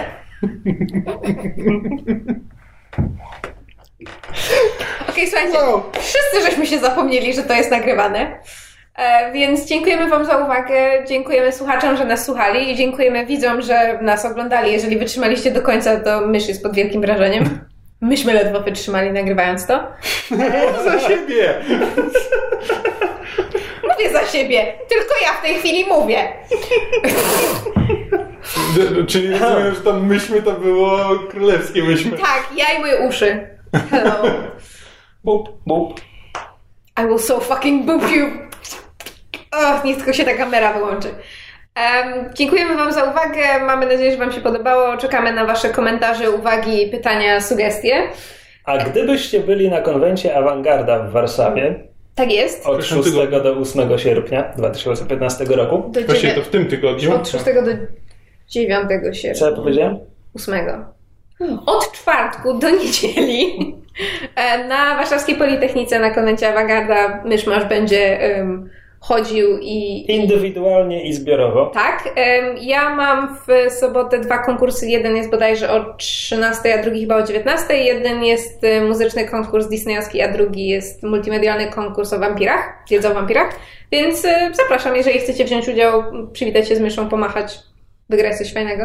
Będzie mi bardzo miło. Tak, i przynajmniej na jednym z tych konkursów pewnie będziemy wszyscy troje. Tak, Jak Kamień wziąć będzie. udział. Kamień ja mi będzie na pewno pomagał. pomagał myszy A Krzysiek pewnie też się zjawi na jednym z nich. Tak, e, a poza konkursami, gdybyście chcieli podejść, przywitać się, porozmawiać o podcaście albo czymkolwiek, to zapraszamy. Wiecie, jak wyglądamy. Co jest dość przerażającą perspektywą sposób. Przecież w zeszłym roku, jak usłyszałam w pewnym momencie, chodząc między stoiskami, usłyszałam okrzyk pod tytułem mysz! To było, zrobiło mi się tak strasznie miło. Pozdrawiamy naszego słuchacza, który się z nami w zeszłym roku na awangardzie witał. Tak, więc a to, to też, bo niektórzy na przykład mówili, że na przykład nas widzieli, ale się krępowali, żeby podejść. To absolutnie nie ma czym, zawsze Tak. nam jest bardzo miło. Ewentualnie, jeżeli się krępujecie, żeby, żeby podejść pierwszym, to wystarczy jakoś poczekać, aż zwrócimy na Was uwagę i pomachać, to my wtedy podejdziemy i się przywitamy. Ewentualnie odbierzemy telefon, na który ładnie Jaki telefon? przyszedł SMS. Tak naprawdę to jest trochę tak jak ze spotkaniem z dzikim zwierzątkiem w lesie. My, my się bardziej krępujemy od was. Tak, i pamiętajcie, że nas należy karmić otwartą dłonią. Nie jest tak dalekie od prawa. Ja odgryzę rękę, absolutnie odgryzę, jeśli będzie choć trochę pod kątem. I nie dotykajcie naszych młodych, jeśli nie widzicie nas w okolicy. Tam na pewno jest. Tak, Poznajemy je po węchu, jeśli dotkniecie, to nie będziemy wiedzieli, że to nasze. Nie wiem, o czym mówić. mam właśnie wizję tego, jak, jak, jak jakiś słuchacz mnie przytula i potem Kamil wraca do domu sam, bo mnie zgubił. A, i w przeciwieństwie do tego, co Krzysiek pokazywał przez cały ten odcinek wideo, myszy nie wolno dotykać po łóżkach. Krzysiek sobie ubzdurał, że ma jakieś specjalne prawa. Pokażmy, czego nie należy. Nie! Odgryzę. No, widzicie, że już nam szajba odbija. Naprawdę mamy dosyć tego odcinka, ale nigdy nie mamy dosyć Was. Dzięki za uwagę i do usłyszenia w przyszłym tygodniu. To zabrzmiało bardzo szczerze po tym. Ta druga część wypowiedzi po pierwszej części brzmi autentycznie szczerze. Ja mam wrażenie, Wypadam za burtę. mam wrażenie że te lampy nam, lampy nam mózgi usmażyły. Dobrze. E, tak. No, ale to tyle. Dzięki i do zobaczenia jakoś i do usłyszenia w przyszłym tygodniu. Na może nawet do awangardzie. zobaczenia znowu, kto wie. Kto wie? Nobody knows. It's a surprise. Bye! Jezus, kobieto. Na razie.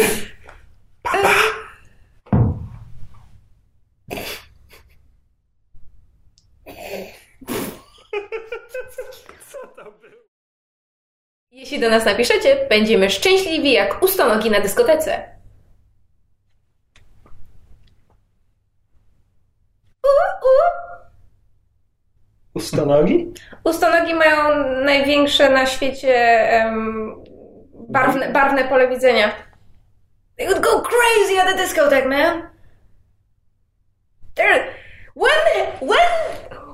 When... Mysz masz. Nauka przez zabawę. Od kiedy zwierzątka mają mieć logikę? Nando w pobacach. Wyjdź. Nie, po prostu nie mam nic do dodania do, do zwiastunu Spectre, więc... Hmm. Też nie bardzo. Nie znam Blofelda, nie znam tych starych bondów ze Spectre, więc nawet nie jestem w stanie porównać. Wyjdź. Możemy powiedzieć o zwiastunie Spectre. Dobrze, ale musimy w takim razie zacząć od czegoś innego niż... Jak to genialny segway. Na górze jest.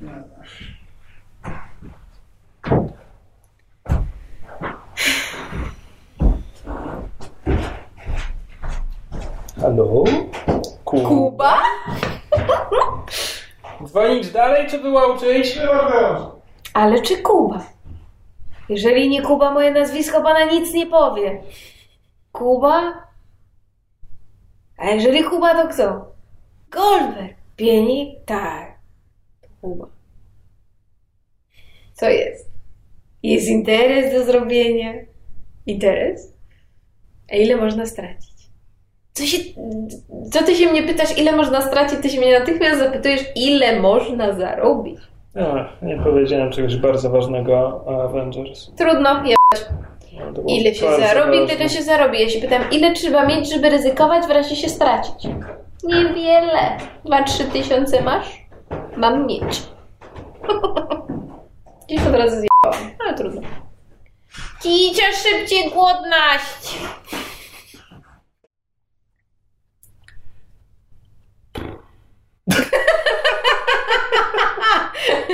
Usmażyło nam mózg, kolektywny mózg. Zwierzę... Outro mamy mocy. Ale zwierzątko. Zwierzątko. a, ale... Em. Wiem, ciop. A to może patrz w kamerę. Ale nie, przestarzane zwierzątko w reflektorach.